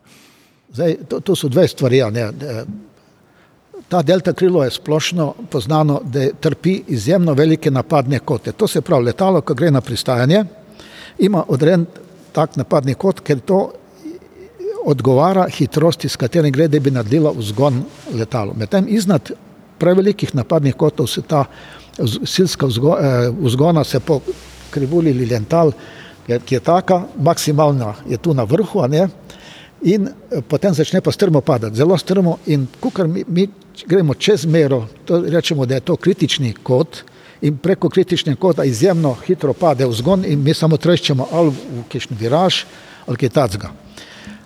Delta krilo je izjemno trpi velike kote. Normalna krila trpijo približno, recimo normalne ko- konfiguracije, ta ravna in tako trpijo približno, recimo zdaj bom tako ne, eno sredino, približno 25 stopinj napadnega kota. To se pravi, da mi te tokovi zračni prihajajo pod krilo, pod Kotom kotom 25 25. Ta trpi 36. Uh, to je Ja, že strma streha. Zelo, zelo veliko. In on gre na pristanje, recimo, tako, ampak potem mora imeti tudi visok, pod, visoko podvozje, da ne bi z repom udaril. In tako, če vidimo od zadaj, ima ta gre, greben. Uh -huh. To je še za nekaj drugega, kar bomo pol sponte, sponte, med, zakaj je ta greben, ta, ta spodnji. In kaj se zdaj dogaja? Eh, on je zelo eh, izkoriščen. To se pravi, da tudi na mehkih hitrostih dela zelo mehke zavoje v zračni borbi. Torej, ukreten zelo. Ne? Zelo kreten. Kaj pa s tem obračanjem okoli svoje osi? Če je prehitro obračanje posebej tako, da ima še rep dodatna, ne za upravljač, upravljalni rep, kaj tista klasična delta ima upravljalni rep vse v eni funkciji. Ja. Ne, to je, to je mal drugače. Na temu je pa rata en drug problem, če ga prehitro obračamo, lahko pade v tako imenovano samo inercialno ob, ob, obrtanje, da se zelo hitro začne obračati proti zemlji in ga je zelo težko obvladati, so velike obremenitve. Ne. Je pa obvladljivo, ampak v takih situacijah pilot, zavisno od, od višine, se mora znajti zelo hitro, da, rea, da reagira v tistih obremenitvah. Ne. Ta navadno so izkakali, če se je tako zgodilo, ali so pa umrli. Ne. S kakšno hitrostjo pa vzleta MiG-21? Ja, v, v klasično, recimo, da je na srednjo hitrost naredimo na 360 km. To je vzletna hitrost. Pristajalna je pa? Pristajalna iz tem, tukaj, ja. kaj za, za nas, je 320 km, to je standardno. Z dovoljenim količino goriva, to je 800 litrov ostanka goriva. Drugač, kasneje, ta naslednja izvedba, pa že L14, L14 so naredili pa še za krilce, odnosno flapse. On jih ima tu zraven teh zunanjih krilc, vidi sam linija zdaj, kad, kad jih pusti, jih pa eh, izpusti na sto, 30 stopinj. To je za pristanje v redu in za vzlet je v redu, ne, da nam pomaga povečati vzletno Vzgon. hitrost. A ja, Vzgon. vzgon, ja. ja, ja, vzgon. On za krilca povečajo vzgon. Nam Površino povečajo kril, ne? tisto, ja, tako. Dejansko eh, površino kril ne toliko, koliko tisti napadni kot povečajo na zemlji, zaradi tega, ker mi ne moramo več povečevati, ker bomo izrepom podrgnili. Ja, ja. Mhm. Ne? Ampak oni s tem, ka tisto tetivo, ki jo obrneš dol, oni takoj naredijo, potem te tokove, eh, tokove, zračne tokove povečajo in s tem takoj povečajo vzgon. Zdaj, Rusi so potem, ko so videli, da je prevelika pristajalna hitrost, so potem v to zakrilce so ga spustili na 45 stopinj. To je maksimalno, ampak so v njegovem korenu eh, flapsov so naredili luknjice, skozi katere je šlo približno recimo ene 100 konjskih sil eh, zračnih tokov direktno navzdol, eh, da je potem tisto zakrilce čist obtočeno, pravilno, ne vrtložno, ker če je vrtložno, ono ni, več v funkciji, samo v zaviralni funkciji. To se pravi, če vas prav razumem, pa me popravite, če vas, Ja, ne, ja, ja. če vas ne razumem prav, v bistvu imel tako napredne flapse narejene s temi luknjicami, Tako. da je bil že del usmerjenega potiska praktično. Ja, tako. In da je lepo obtočeno krilo, da je ono proizvaja vzgon. Samo še nekaj moram dodati, ni neumnih vprašanj, so samo neumni odgovori. To so razmeri tudi. No, pa bom jaz prav še. Ja, Ne, ne, hecam se. A, a ste kdaj v zletu pa prestajali v željevi? o- ogromno. Kako to zgleda? A je bilo to res najbolj zajebano letališče? Je bilo precej zahtevno, ne? ampak recimo tisto, kar se mi je dogajalo tam, kar sem že prej govoril, tisto skozi kanjon uh, Une, smo bili delali na želje, smo imeli raketiranje ciljev na, tam na morju iz za dolgega, ne za dolgega otoka, iz za teh otokov tam in tako naprej z koordinatov. Uh, In je bilo, relativno je bilo zahtevno, ampak ti piloti, ki so se tam instalirali, so ga imeli kot A pa se jih je res dosti ponesrečal tam? kar neki, no, dejansko kot povsod. Povedali ste, da ste hodili več na um, Pogrebe. pogrebe kot na rojstne dneve. In preden smo začeli snemati ta podcast, ste povedali eno statistiko od leta 45 do, bom rekel, razpada Jugoslavije. Dajte povedati to številko. Pa kaj, je, kaj je bil tisti faktor, ki je najbolj botroval tej številki? Ja, je, eh, po teh podatkih je bilo približno eh, od 45 do 91 je bilo 550 eh, smrtnih žrtev pilotov iz vojnega letalstva. Eh, To bi prišlo recimo za teh, kot smo rekli, skoraj 40 let ne, ali 45 let, je bilo ne vem, koliko 12-13 na leto. Ne. Kar je kar veliko, to je bilo veliko letal tudi uničenih, ne, ampak to je dejansko ena normalna taka cifra v skoraj vseh letalstvih. Ne. Ampak Aha. se je, se je pa pokazalo, da se zadnja leta, recimo tam od 80. od 80. naprej, se je število smrtnih žrtev zmanjšalo. Iz dveh razlogov. Iz, zaradi tehnične opremljenosti letal, zaradi poboljšane radarske kontrole in zaradi eh, tega, ker so bili piloti bolj usposobljeni, so imeli daljše šolanje, eh, več na leta in tako naprej. In tudi eh, boljše programe smo naredili. Kar naprej smo mi dograjevali programe, da se lik zaradi tega, da ne bi izgubljala ne kader. Uh, jaz, jaz, moram, jaz moram, zato ker, ker me to, um, to vpr- vprašanje me neprestano preganja. Kaj bi se zgodilo, če bi se zgodilo? Mi vsi vemo, da uh, sodobno vojskovanje je vojskovanje na stikala, na radarsko opremo, na izjemno natančno določenje tarč, kar vidimo, kar se tudi zdaj dogaja. Zdaj so že brezpilotna letala, ampak vendarle, vi ste sam prej omenili, vi ste bil treniran vojaški pilot za dvoboje v zraku. In po drugi svetovni vojni, ki so, bom rekel, na rekovajih minili ti časi.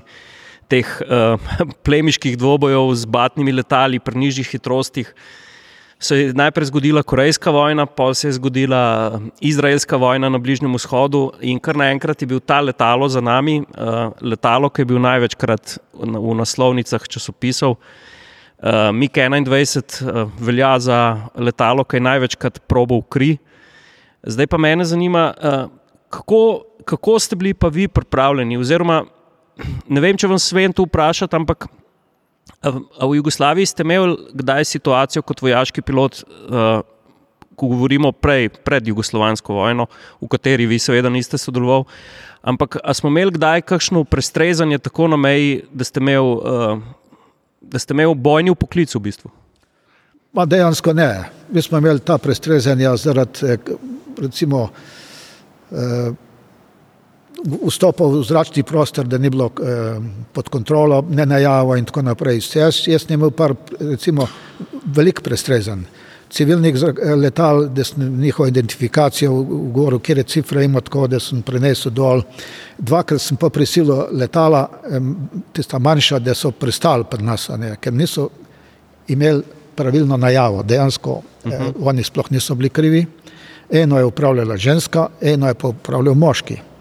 Eh, pred, pred dolsnih prestrezusnih dol v Makedoniji, ne, so šli v Grčijo, preleteli so celo Jugoslavijo, ampak pri predaji teh dispečerskih podatkov med eh, Zagrebško in Beogradsko kontrolo je prišlo do napak in oni niso prenesli temu teh center vojaških, niso prenesli v naš dispe, dispečerski center, tako da smo bili jaz tu zignen, pa je pa še, še ženska se je dol kasneje prestrezila, ona je letela z letalom, ki je letelo 200 na uro, jaz pa nisem mogel, manj kot, manj kot dejansko štirstvo, a ne kar v manevrih, ne, sem sam krožil okoli nje, ampak se je napotila, jaz sem izvlekel pod, pod, pod vozjem, pa v smeru, kam mora iti, ne, pa pa spet naredil krog, dokler ni pristalo v Skopje, jaz sem pa se vrnil v Prištino, pa mi je pa dal podatke, rekel, da je bila ženska, da se je polulala od straha.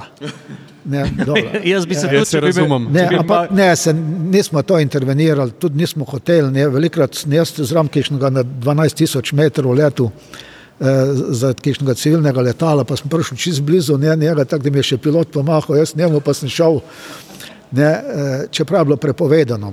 Tako, ampak kjerkrat se ne čist, prideš blizu, so bili odrejeni eh, procedure, kako in kaj postopati v kakšni situaciji. Dejansko nobeni taki hudi situaciji nismo bili. Ne. Ampak je pa to letalo z nadzočno hitrostjo, ne vem, da je bilo kišnih borbenih situacij, zmeraj izpod zvočna, ampak mm -hmm. zakaj je bilo fajn to letalo? Zaradi tega, ker je letalo iznad mene, ker je letalo iznad Skopje, iznad Skopskega letališča in je, in je že prešlo, ono leti z 200 km na uro in jaz poletim, ne, in dokler jaz poletim vse tiste minute, ko gre poletim, pa dosežem hitrost, je on že nekje 300 km odšel proti severu ali proti gor, proti Ljubljani. Ne. In jaz sam šibom na dva maha in že da se keks ga dohtimo, zaradi tega je imenitno. Uh. Pa se, eh, ne, glede, glede um, vojaških manevrov imam, imam še eno vprašanje. Ja. Um, vedno me je Ferbec smatral, da mi moramo seveda letala primerjati po zmogljivostih v obdobjih, v katerih nastopajo. Ja. Uh, vaš, neposredni, uh, vaš neposredni tekmec na strani Zahoda v tistem času je bil Phantom F4. Točno. In Phantom F4, pa MiG-21 sta se prvič srečala nad uh, vietnamskimi ja. džunglami ja. in uh, takrat je povedal v določenem trenutku MiG-21. Ste vi kdaj razmišljali kot vojaški pilot, kako bi se bilo srečati uh, z pilotom iz Zahoda? Se to je bila stalna moja naloga. Ne, kar naprej smo študirali, kako parirati, eh, izučevali smo njihovo manevrsko sposobnost, kaj je najboljš, eh, vse izkušnje iz izraelsko-arabske vojne. Potem, ko so Sirijci stopili v vojno iz, iz Izraelci, ne, se je tudi pokazalo, v čem je bil problem, da so bili Izraelci tako superiorni. Ne. Prvič, arabske pilote ni, za, ni zanimalo vse to, so bili tako, ne, ta gospoda ne, uh -huh. in dejansko jih vojna ni zanimala. Pa, ampak Izraelci so se pa izjemno pripravili, ne, z letali, katere so imeli in so dejansko bili totalno superiorni. Potem so v Rusiji prišli iz Rusije in so jih potem učili leteti, učili so jih leteti in njih in Sirice in Sirici so, so, so, so potem dosegli kar dobre uspehe v, v borbi ne, proti. Namreč ameriška letala so imela odrejene prednosti, naprimer v horizontalnih manevrih. Pa tudi dlje so lahko letela, ne, če razumem. To je pa absolutno, to je en, en taka prednost, kateri smo mi stalno eh, zahtevali od naše države, da jim nabavijo letala, ki imajo veliko avtonomijo leta. Prvič, v zraku lahko ostaneš daljši, daljš, potem izmenjav posadka, recimo, smo imeti na, na, nazaj na tankanje goriva, mora drug priti v moj prostor, da ščiti prostor, recimo proti zračni obrambi v tem smislu in tako povečuje ta število teh letal. Neko boljši imeti na mestu 50 letal, 25 tistih, ko ostajajo dolgo v zraku. Koliko časa je pa bil MiG-21 lahko v zraku? Maksimalno dve ure. Ampak dejansko boj, bojno se pa računa, da je on eh, pod maksimalno obremenitvijo, eh, se pa računa radius približno 450 km. Zakaj? Ker 450 km gre na bojišče, se bori približno 450 km in se mora vrniti 450 km. To je 1200 in nekaj km in to ostane pol ure. Koliko je to goriva? Ja, gorivo je približno skoraj 2500 eh, litrov. Ampak kako že na after, na afterburnerju? Na afterburnerju ne bi, če ga imaš vklopljenega, oziroma če, če letiš na afterburnerju, to je koliko 7-8 minut, pa gre v maloro vse skupaj. Zdaj, afterburner je izjemna poraba. Na zemlji je 240 litrov na minuti na, na startu. 240 ja, minut. In to, ceno, ko poletiš, potem je to enormno, 10 minut ostaneš. Medtem ti poletiš z afterburnerjem, ne? ampak zdaj moraš hitro priti v v, v, na nizkem letu, ti ne boš letel nadzvočno. Nekaj je tako, aerodinamika nadzvočnega letenja v nizki v slojih atmosfere je problematična za celo pokrajino. Ne. Problematične porabi goriva in navadno vse borbe so v podzvočnih letih. Ne, da ja. ti prideš čim hitreje tja, prideš iz tisoč km tudi brez afterburnerja, ampak afterburner vključiš izjemno. On je izjemna, ima, eh, eh, kako se reče, ta eh, vaba za te, ki imajo rakete, tiste K-13 ali pa Sparam. Pa, kar, tiste, ja. Ker to več toplote.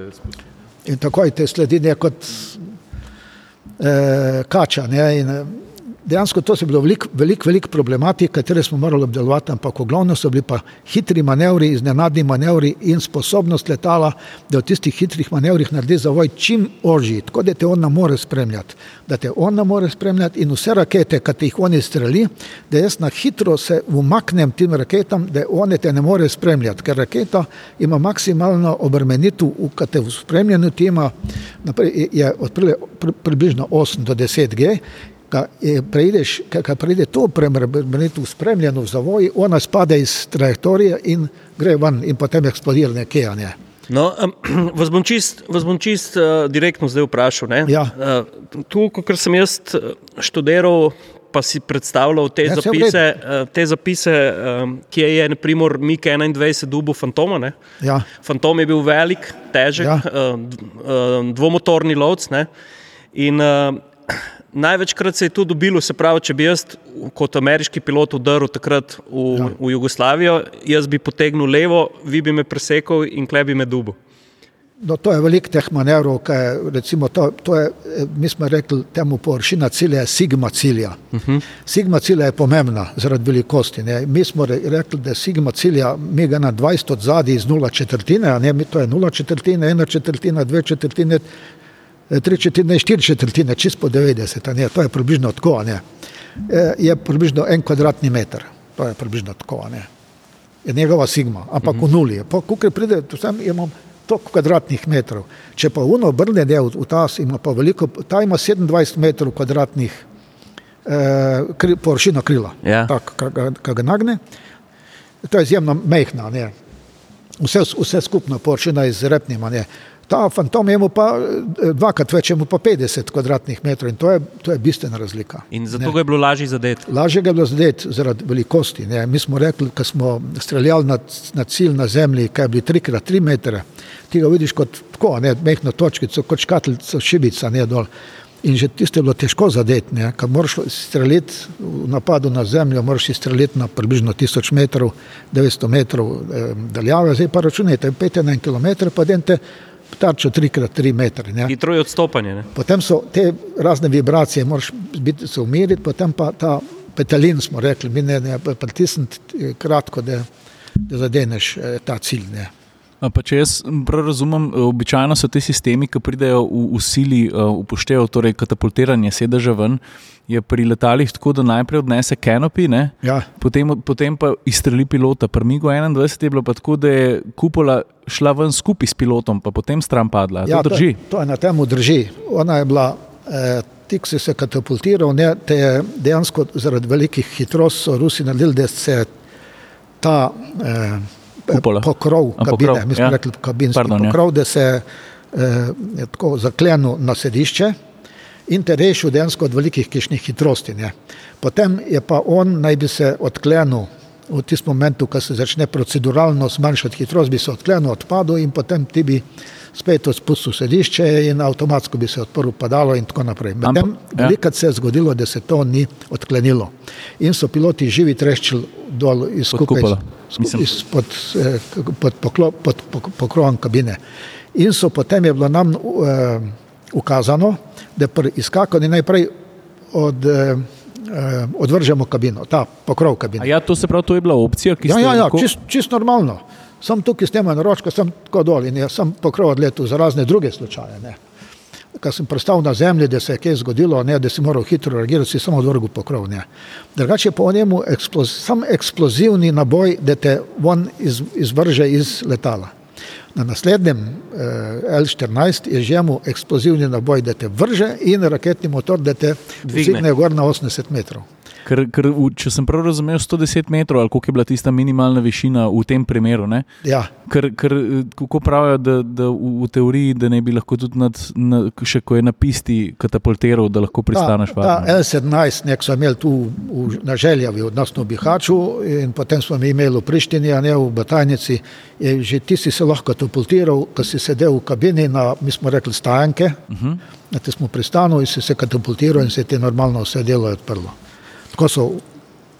A L14 pa na hitrosti 130 km. A ste bil kdaj v situaciji, da ste razmišljali o izstrelitvi? Ne, ne dejansko vedel sem za to. Eh, bil sem velikrat v situaciji, eh, takrat enkrat v Bihaču eh, se mi je zgodilo, da, sem bil, da je tista starka iz kosov mahala čez blizu mojega obraza, pa še večkrat ne se je to tudi zgodilo, ampak se ni zgodilo. Kaj pa je bilo? No, recimo, tipični primer je bil, ko smo imeli eno, eno nalogo raketiranja ciljev na, na morju. Ne, ne, ne, oni ti strelijo raketo, ti pa iz druge raketo streljaš na to raketo. Ste pravo raketo so izstrelili proti vas? Ne, ne proti meni. Iz, A ja, tako. moj, moj, moj kolega v letalu je strelil, raketo se je umaknil, jaz sem pa iz to K13, ne samo na vodenje. Sem pa potem, ona, ona gre ne takoj dol in jaz grem za njo in dobim signal, da potem je raketiram, ona je dohiti in eksplodira. Ne. To je tako kot en trena, ena trenaža. Ko sem se vračal nazaj, je bilo zelo slabo vreme ne, in eh, sem takrat tudi šel skozi kanjon Une, ne, ali pa iznad njega, potem pa sem prišel iz na 100 metrov na, na tiste planote Bihačkega, ki Bihač je dol v dolini, pa gore pa tista planota, kjer je letališče in sem šel po tisti planot čist nizko na pristajanje, ne brez radarja, videl sem letališče, sam izpod oblakov samih. Ne. In ker je navadno višina za pristop na pristajanje, je navadna višina okoli 420 metrov, za, za, ključno, za, za smer priključnega pristajanja. Ne. Jaz sem šel približno na 100 metrov, ampak tudi to smo bili vsi navajeni na to. Naredil sem pa napako, da ko sem podvozje in vse to izvlačil in potem kasneje eh, pe- ta eh, eh, zakrilca, odnosno flapse, eh, je bil ta, eh, ta, ta prvi L, L12, ni imel eh, ene zavore, tu, eh, zavore na eh, položaj ročke eh, moči motorja in je on se je sam, sam se je spustil na, na minimalno, ampak njemu tisto, na minimalno je bilo s- s 80%, to se pravi, da sem bil na 80% je, je ta, eh, kako se reče, eh, izpušnik je zaprt, odnosno zaprt in takrat mi daje eh, dober potisk. Kukor pa gre izpod 80, se on odpre in takrat popolnoma izgubim, eh, to je sam na prstajanju naredi.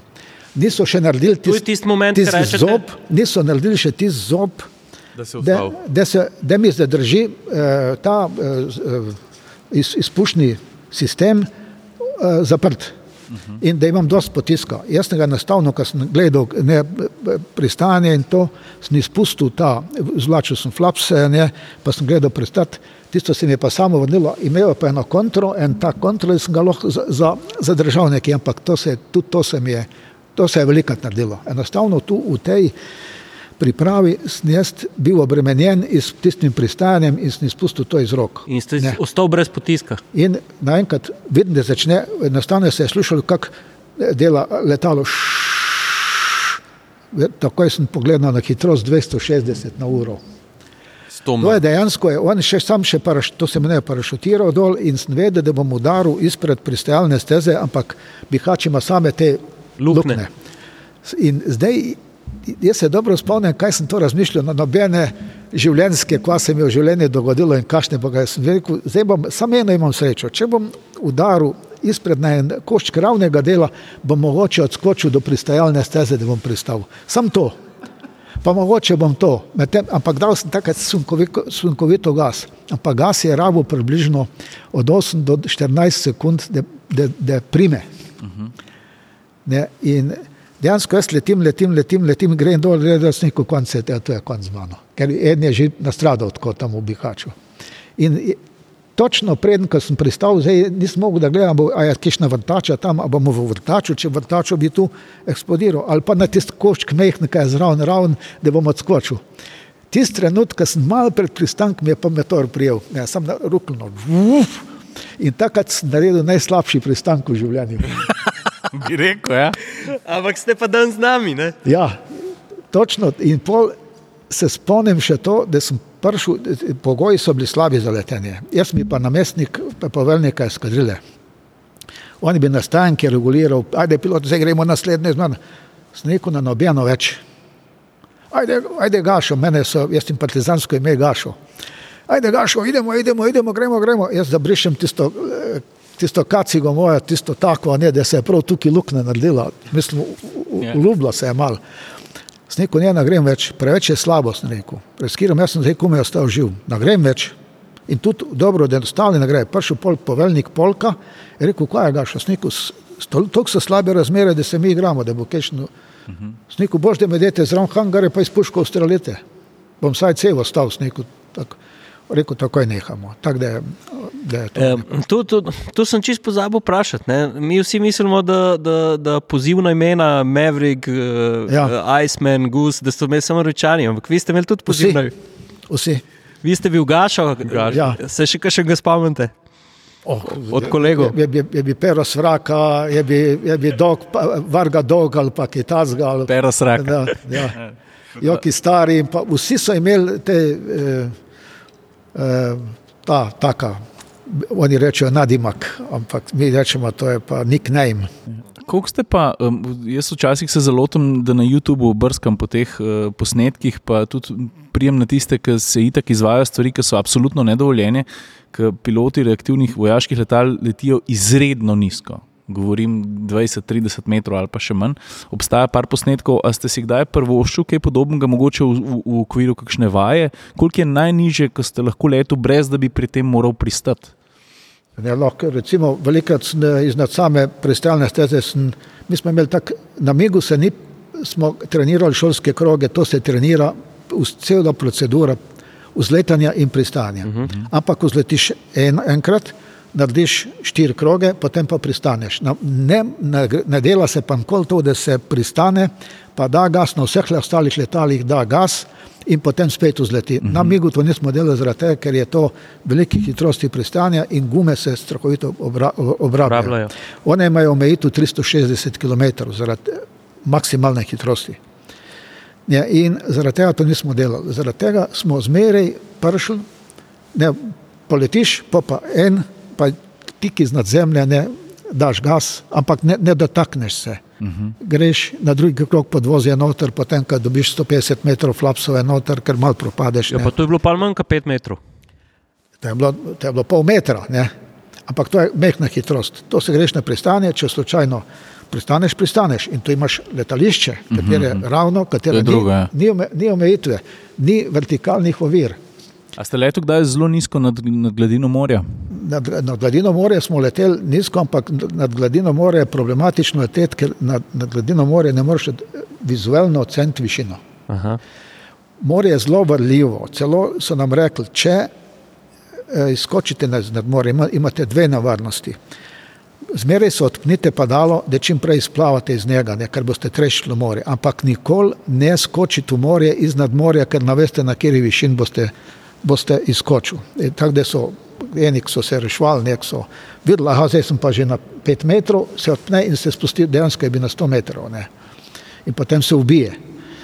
E, tako da, e, da druga navadnost je pa, da ti podalo pade in da se zapleteš in da, da, te, da, da tam nastradaš, Potoneš. ne da potoneš, da se ne moreš izplesti iz padala van in tako da je bila tam ena procedura. No, Mene, sorry, mene, jaz bi pa šel spet malo v željevo. Mene, ta, kot marsikoga, z, me matra ta misterij. Uh, kako je bilo, kaj se je tam kaj dogajalo? Je bil to res takratni jugoslovanski Area 51? E, Dejansko je bil to ena- en posebno le- e, letališče, ki je zdaj ratov fama. Koliko je denarja vloženo v njega, koliko je porabljeno, koliko je to, koliko je uno. Poslušajte, zdaj mi naredimo ene dva km avtoceste, evo, to je e, en, ena želja. Ne, vsemu. Ampak se je de- delala bolj v primitivnih razmerah, s primitivnimi orodji in tako naprej. Koštale je naprimer nekih, kaj s tem, nekih, je bilo 6 milijard, govori ali 4 milijarde, ni sploh važno. Ko smo mi to naredili, potem smo naredili v odnosu na nekaj, kar so švedi naredili. Potem smo mi šli delati v Iraku, smo v Iraku naredili, potem smo v Tanzaniji nekaj naredili, potem smo vse vse denar vrnili nazaj. Ne. To sploh ni pro, problem, pa, pa v Libiji, pa kaj s tem te kaponirje. So naše gradbinske podjetja izjemno naredila. Je pa tri eskadrile so bile not nameščene. Je bila ena izviđaška, pa dve lovske. To je bilo približno recimo na hitro srčeno, ko 50 letal je šlo tako noter. Skupna ta dolžina, no vem, koliko tam piše, dva nekaj ali tri km, je tisto, tistega eh, letališča imel poseben režim zaradi zaščite, zaradi hlapov, zaradi letalo tako, ti kaj čez noč, a ne zaradi tistih raznih temperaturnih razlik izpusti, izpusti 80 litrov goriva skozi te odušnike. Ampak vsa letala so imela spodaj te kante, Lovilce. za, te banice, smo mi rekli, za loviti to gorivo. Ne. E, in kar naprej je bila čistoča, vse je bilo pofarbano noter, prezračevanje, eh, air condition do odrejanja temperature, izjemno je bilo kontrolirano glede vnošanja eh, cigaret, ne, ampak eh, nisi smel pa vžigalnika nositi noter. Niti vžigalic. Jaz njemu dostop do vsega. Ne. Vsi, vsak od nas je imel eh, oznako, recimo rdeče, zelene, plave, te eh, prepustnice. In eh, ti si šel noter, si na, na kapi povedal, kako se imenuješ, pa te je on prebral, ta vojna policija ti je dal prepustnico in ti si šel noter. In si se lahko gibal eh, tam po tem eh, objektu, moral si strogo spoštovati vse pravila gibanja, potem eh, dostop, kjer lahko dostopiš, potem eh, kajenje je bilo dovoljeno samo v odrejenih prostorih in tam je bil zmeraj na, na mizi je bil ta plinski vžigalnik, vžigalnik. Tam si lahko prižgal cigareto. Ne, tam je bilo dovoljeno, drugot nikjer ne. Naprimer, to orožje nisi smel nositi noter. Mi smo imeli, naprimer, v teh vajah, pa to smo imeli osebno orožje, pištolo, jaz sem to moral zmeraj pustiti na, na, na, na, tam na vstopu, na vojni policiji, in ko sem šel on, sem spet tisto vzel. Ne. Tako da so bile odrejena pravila, tisto smo strogo spoštovali in eh, ratale pa fama, da je to bilo podzemno letališče. Ni bilo podzemno letališče, to je bilo podzemno sklonišče za letala. Vse letala, so hotela leteti, so najprej noter si jih, so jih lahko vlekli samo z akumulatorskimi traktorji. So jih prevlekli zunaj, izpred vhoda in so potem za- zaključ- zaključili za te druge traktorje, eh, Fergusone smo imeli, in so te vlekli tam malo izpred, pa si tam je bila ta velika centrala električna, ker on za užik rabi naprimer 800 amperov moči, ta on Saber Day 1200 amperov. 800 amperov. Ja, on Saber Day 1200 amperov. Ne. V ta kabel, ne, on vključijo, tam ga užgeš, lahko ga užgeš tudi brez tega, kaj v nuji smo tudi žgala, ne, enako, ima dva eh, sre- srebrno cinka, cinkana akumulatorja in ti užge lahko dvakrat užgeš ne, na njega. Tako, eh, je, je, je bilo tako, ampak letališče je bilo pa zunaj. Je imelo pa pet, štiri, eh, dve pristajalne, po- poletne pristajalne in eh, skupaj pet eh, stez. Vse to sem hotel vprašati, ker sem enega kolega, ki je malo bolj v pilotskih vodah, sem ga vprašal, če, ima, če imaš kakšno vprašanje za vas, pa je točno to ga zanimalo. In sicer, uh, da, bile, da so bile tri vzletne in dve vzletno pristajalni stezi. Ali so piloti poletali iz vseh petih, ali so uporabljali zgolj tisti dve, ki sta bili vzletni in pristajalni. Eh, V, v, v načelu je bila številka ena in številka dva, to se pravi, vse- paralelne, sam so bile tako, ne, e, paralelno razmeščene v dolžino. Ne. Ena je malo zmaknjena, ena je bila široka 30 metrov, glavna številka ena je bila dolga 2000. eh, 500 metrov, široka 45 metrov. Ta je bila pa 30 metrov, pa 2000 metrov, eh, 200, 2200, številka 2. Na številko 2, številka 1 je bila poletno pristajalna steza. Vse ostale so bile sam poletno, v, sili pa tudi pristajalne. V nuji pristajalne. Najdaljša je bila ta petica, ki gre iz Bihača proti severo, severo-zahodu, je bila dolga okoli 4 km pa nekaj. Uh, jaz moram še malo se vrniti v kokpit Miga. ne. Uh, pogovarjali smo se, uh, jaz kot avtomobilski novinar, meni volan pa kokpit, tako kot vam, ko ste prej rekli, Ja. pilotu veliko pomeni. Uh, kaj je bilo na krmilni palci Miga? Uh, kaj je bilo za orože, kas, kje je bila komanda za gas, uh, kaj so delale roke? No, na, na Migi je bila eh, največja palca, je bila tista palca upravljalna. Ne, vseh, vseh, ne. To je osnova njene namene. Na, na tisti palci je bila potem glavni, eh, je bil trimer. Trimer je služi za to, da mi uravnavamo eh, letalo ob nosu na obremenitev, eh, uravnavamo, olajšujemo si letenje, da ne držimo na rokah. Čeprav je to vse hidravlično, vse oprožni mehanizmi so noter, ampak vse glih, če, nap, če natrimo na ne, da vzdržuje odre- odrejen režim, pa mi hočemo spremeniti režim na uspenjanje, on zahteva od letala odrejen položaj vseh teh komadnih površin, odnosno upravljalnih površin in mi ga najprej postavimo, zmeraj je zakon, postaviš, pa olajšaš pritisk, da se zmanjša pritisk na, Palca. na da ne držiš celo uro, ne tako ne držiš pa vse, pa ne kot Ja, ja. da trimo, trimuješ. To je, trimer je bil druga. Tretja zadeva iz strani je bila taka ročka, katera je bila zavora. Iz tisto zavoro smo vozili po zemlji. Ne. Če si dal levo nogo, si šel levo, ne, da se pač eh, si pritisnil malo, točno si. Jaz pravim, letenje na migu se je začelo iz vožnja na zemlji, da si prišel iz stajanke do začetka, do startne pozicije. Ne. Tist, ka, čeprav je bil pilot že na ostalih letalih, in na DC-9, in na Galebih, in to nikoli ni prišel na start, ker ni znal voziti. Kako je bilo pa v Migu 29? Na Migu 29 naredil dva leta. Uh -huh. e, pač tisti cajt, e, vsi ti, ki smo leteli, ki smo bili poveljniki, smo počasi prišli na vrsto, da smo vsaj informativno leteli na Migu 29.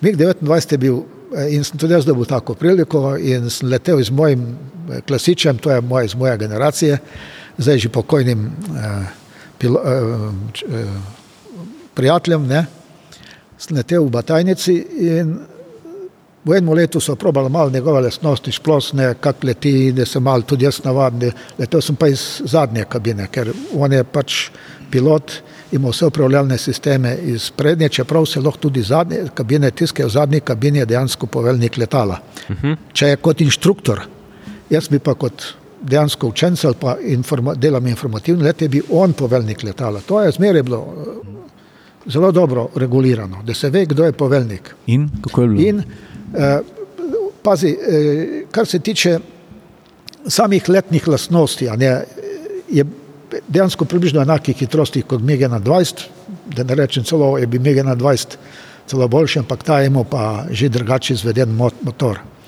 Turbofenski motor je imel in turbofenski motor je eh, odnos sile in, in potiska letala je bil 1 proti 1, 16, ker to prmigu, čeprav ima izjemno močen motor, ni mogel doseči zaradi te specifične porabe celotnega fluida, ki gre skozi njega. Ne. Tako da je on šel recimo vertikalno, vertikalno smo se uspenjali na 10 tisoč metrov, čist brez problema.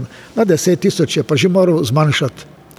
No, ne, in tako da smo šli tam potem horizontalno, ampak je s tem pokazal, ti, ki si poletiš na vertikalno, pa dejansko so malo, tako vidiš, malo še zemlje, ne dovolj, zelo, ampak po inštrumentih, pardon, pa že, pa že vidiš, kak to, eh, kje si v kakšnem položaju in to vzdržuješ. Ne. Manevre, odlično manevrsko, močan, težak je bil več kot 15-17 ton, je eh, tako belodoben, boljša preglednost eh, in je imel avioniko, to se poimenuje tisto upravljanje, kad ti upravljaš letalo na mehkih hitrostih ali na velikih hitrostih, ti ono v tistih ekstremno, ekstremnih variantah, ko sem na, na tem letel, na mehkih hitrostih, sem moral zelo paziti, da ga preveč ne vlečem, da ne padem v stolin, ko nepravilni položaj in potem hitro padem dol. On pa ne, ti si ga kar potegnil in A 29, on je, pa vedno on je, dovolj on je, on je na minimumu tisto, kar je bilo dovoljeno, zrežal najmanjši tak rok. Ne. In tisto sem se zezal, ne, zzz, pa kar potegnem, držim ga na, na sebi, on pa sam regulira ne, to. Ja, ja. To je se je dovoljevalo na nadzorčnih hitrostih. Na nadzorčnih hitrostih se ne da prevleči ta, ta slučaj. On leti z, recimo iz dva maha in potem mi- je rekel inštruktor, že ta prvič, ko smo šli, je rekel, palco, dem na gib, pa dem palco čist na sebe. In jaz del čist na sebe, on sam gre iz tisto. Se pravi, sam, Hitro, sam, sam, ve, kje je meja. Eh, Na, na zvočnih hitrostih ne moreš prevleči ta avion zaradi eh, aerodinamičnih eh, Lastnosti. sistemi, lastnosti. Eh, na, na, na mehkih hitrostih bi ga, pa če, ta, če bi to naredil, brr, bi šel dol. Bi še dolgo kamen. Jaz bi se sam vrnil na tisto Juretovo vprašanje oziroma vašo razlago. Uh, tukaj v Pivki obstaja simulator letenja Ja. na Migu 21, če se prav spomnim. Ja, Ste vi tudi sodelovali pri postavitvi Ja. tega simulatorja? E, Mislim, če nekdo pride uh, sprobati to zadevo, ali lahko dobi vsaj, tist, vsaj približen občutek, kako je res leteti s tem? tako, eh, to so eh, iz Sašotom knez, on je veliko inicijator, da se to nabavi in jaz malo pomagal ne, glede teh zadev, normativov, tudi neki malči nedrobne opreme je tam moje. Ampak on je dobil en program tudi iz, eh, iz Beograda, od enega našega tudi kolega in pa smo probali to narediti iz, izrezen minimum sr- sredstev. On je sedišče nabavil, potem te nožne komande, palco je nabavil in to. Eh, Potem sem, seveda sem jaz najprej na njemu probal leteti, ne, da vidim, kakšni so ti občutki. Osnovno, en, osnovni En, en, nekaj osnovnega se dobi, no. en občutek, kako to gre hitro, kako je to upravljanje. Čeprav je poskušali smo narediti komande, so hidravlične na letalu. Tu smo pa naredili vse feder komande. Feder komande je pa zmeraj, eh, moraš mal na silo in ne, odzivnost ni taka. Ne, tako da sem jaz tudi videl, ne, da moraš malo več sile uporabiti v samem letenju, v teh manevrih, gor, dol, levo, desno in odzivnost ni taka. Sicer jaz že slabo vidim, ampak čeprav imam te špegle tudi za nadaleč, sem inštrument tablo slabo videl. Tako inštrument tablo pa moraš videti za, za, neke stvari, za, neke, za neke stvari. In tudi eh, dokončno ni moglo biti narejeno. Bi rekel, bi moral še en kompjutersko generacijo, en zelo zahteven računalnik, Več da bi mi, da bi, moči, ja, Eh, tisto je manjkalo pri eh, enih zadevah, kot je eh, kontrola nad forsažnim režimom, pa tem režimom, ki nastop, ker ima, on ima več režimov. Ima ta mo moč motorja do 100%, potem ima m- minimalni forsažni režim, ima maksimalni forsažni režim in čer, to je čez forsažni režim v hudih stiskah, ko si da hitro pridobiš hitrost ali, ali višino ali brzino, da vključiš ta čer in da lahko vključiš v 15 sekund. Tudi ogromno porabo goriva, ampak je eh, tako, da smo nekako naredili nekako tako, kar se je dalo, ampak je to dobilo en svoj namen, da se vidi, kaj, da vidijo eh, ti eh, dame in gospoda in otroci, da vidijo, kaj pomeni, a ne, da leti na njemu en tak občutek, kakšen je pogled, a ne, tisto je precej veren. Pa tudi vi ste, prav tako prej ste omenili, ne, kljub Ja. temu, da je mehansko palco se vleče, Ja, da ni ja. hidravlik od zadaj, ste vi poskrbeli, da je ta sila nekako, da se zmanjša.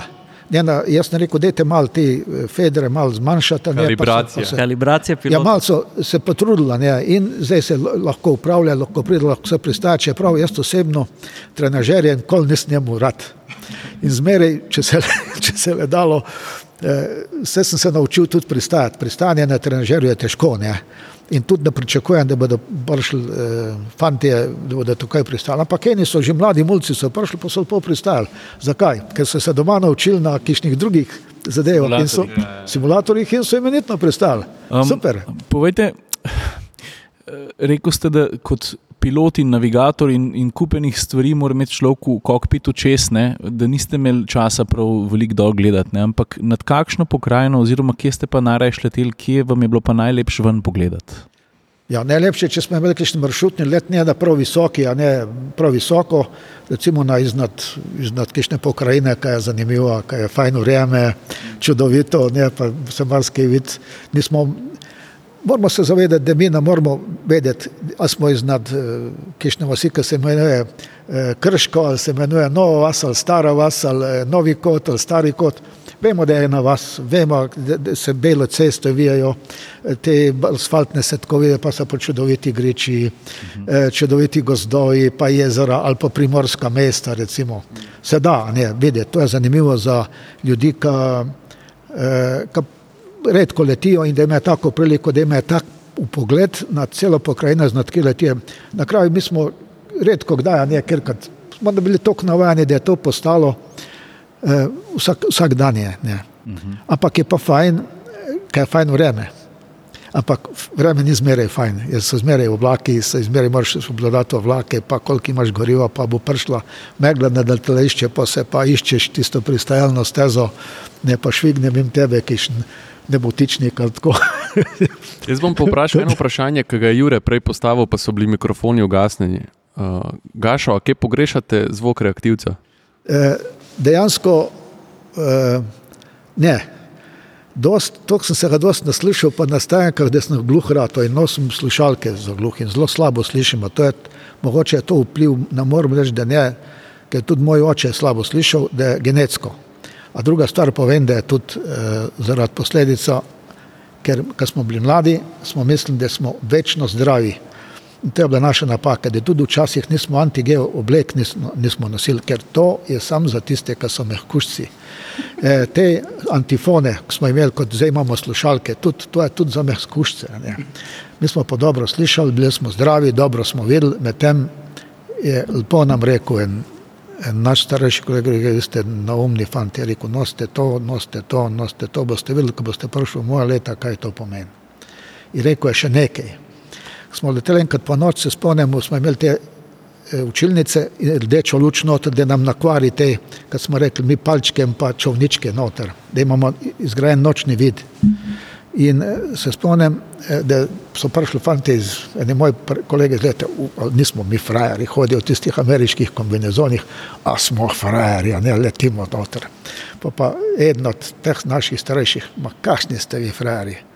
Kakšni ste vi frajeri? Rekel, frajeri so, mi smo pa leteli nad Jadransko obalo nek, frajeri so dol tisti, ki sedijo na terasah z lepimi ženskami in srkajo Coca-Colo. Oni so frajeri. Vi pa niste frajeri. In smo se takoj umirili posel. Ne, rekord, je jaz še vedno mislim, da največji frajeri so piloti. Jaz, jaz tudi vojaških mislim, da letov najbolj in Podpišem. Ja. Ma, a veste, taki frajeri smo bili, da smo se 80% za dve leti, ko smo končali akademijo, vsi poženili. Mogoče je to tisto genetski poriv, da moraš po- pustiti naslednika, ker mu ne veš, ali boš preživel dve leti. Uh, Vojko, ampak jaz sem slišal tudi za eno zanimivo anegdoto. Ne? Seveda, bivša jugoslovanska armada je bila ogromen aparat.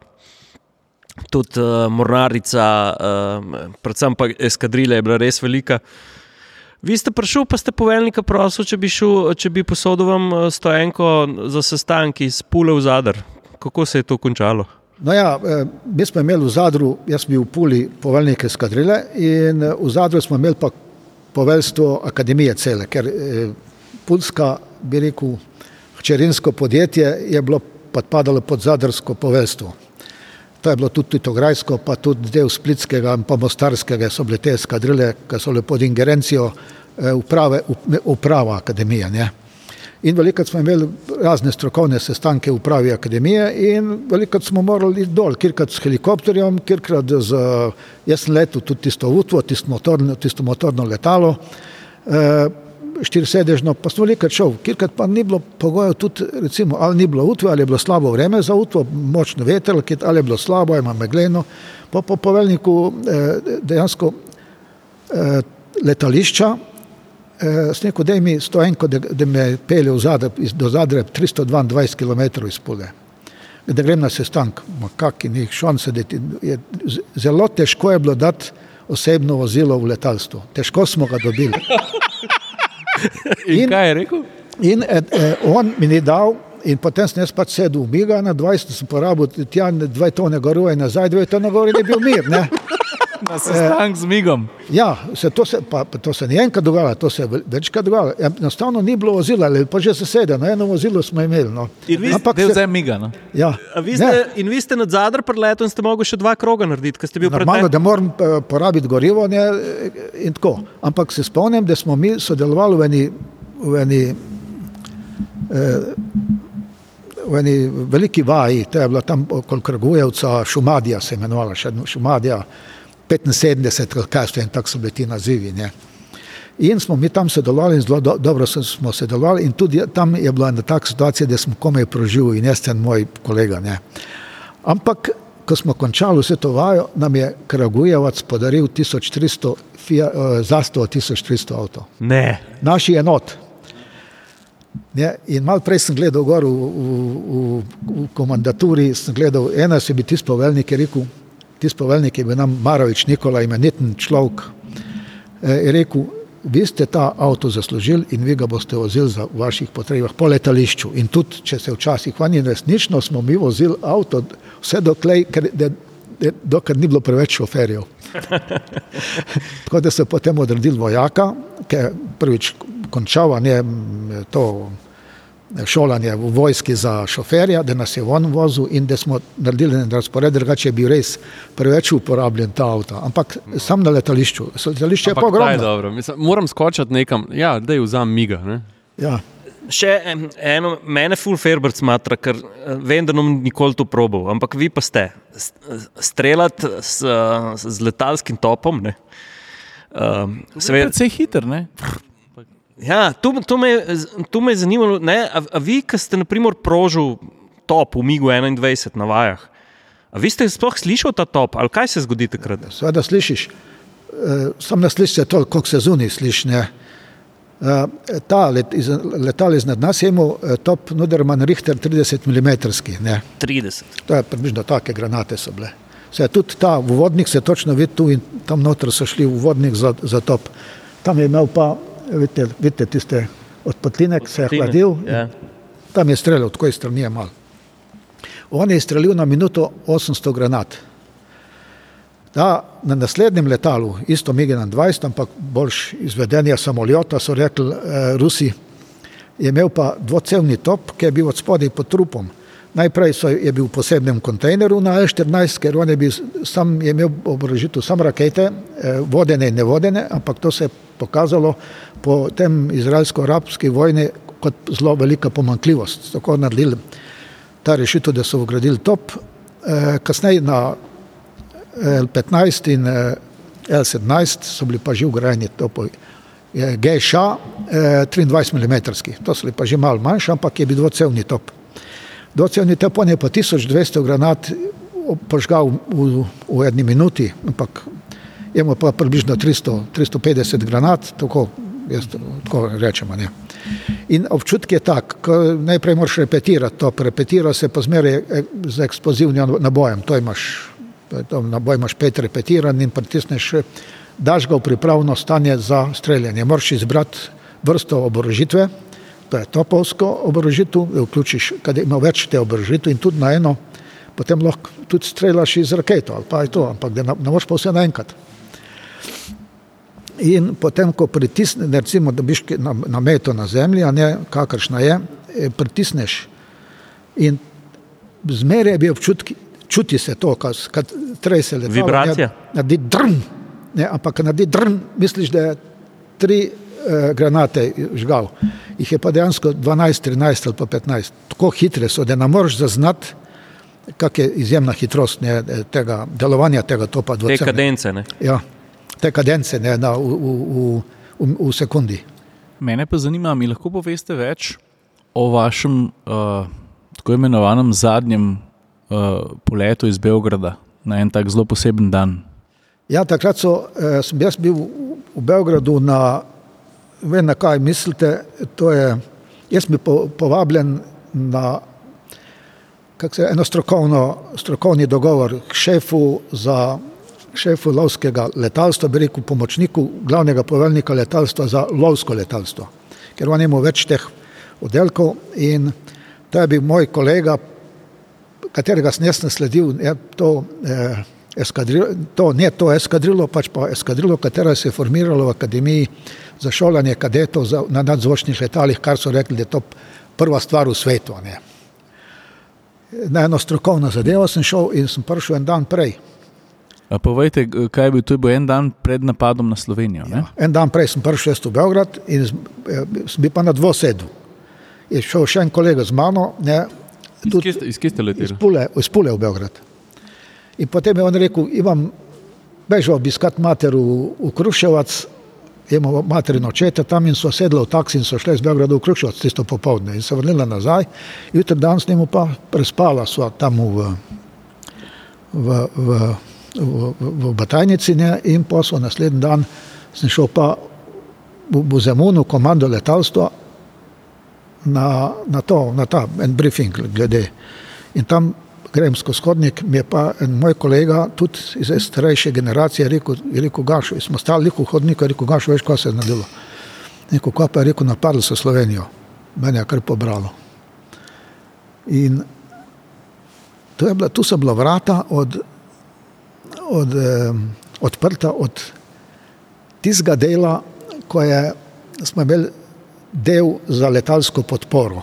To so pa ti lovci bombarderji, odnosno bombarderska letala ali pa jurišna letala, ki napadajo na ciljne zemlje. Oni so upravljali s tem dejstvom na tam. In jaz sem slišal eno govorico, kaj zdaj ne bom ponovil tukaj. Kaj me je kar, kaj me je kar stresla. In je rekel, s neko grem v, grem jaz v, tam v moj, v moj oddelku, v, v lovsko letalstvo in jaz grem skoti, meni je kar pobiralo s neko, kaj zdaj narediti. In preden tja je rekel ta šef iz lovskega letalstva, moj dober kolega in ga zelo spoštujem, je rekel šutalo Anto, je rekel, veš kaj gaš, je rekel, kar bež gor na letališče in vrni se v pulo, je rekel, neč nemo danes delal, je rekel, veš kaj se dogaja. Je rekel, veš kaj se dogaja, on je resnično bi proti. In jaz sem se pobral, smo dobili avto, a ne za, sva šla tem, s tem prijateljem, sva šla na letališče in se pobrala in šla do pule, ne. Tem migom 21, to je bil moj zadnji let. Pa ste takrat vedeli, da bo to vaš zadnji let? E, ne, e, jaz sem prišel e, na letališče in sem, sem prišel okoli štirih, ali nekaj tazga, okoli treh popovdne, treh ali štirih, na to zdaj nekih podatkov, zdaj točno se ne spomnim. In sem šel mojemu poveljniku, gor v Polka, to je bil moj, tisto moje generacije, Mene so španali kar naprej, da bi jaz bil poveljnik polka. Jaz nisem hotel od 8. do vsega, tel sem to leto, na konc leta iti v penzion. In zaradi tega sem se odpovedal vsem dožnostim in se metljiv premestiti v Zadar, sem rekel, če me premestite, v sekundi grem iz letalstva ven. Tako da sem me pustil na miru, ker resnično utrujen sem bil.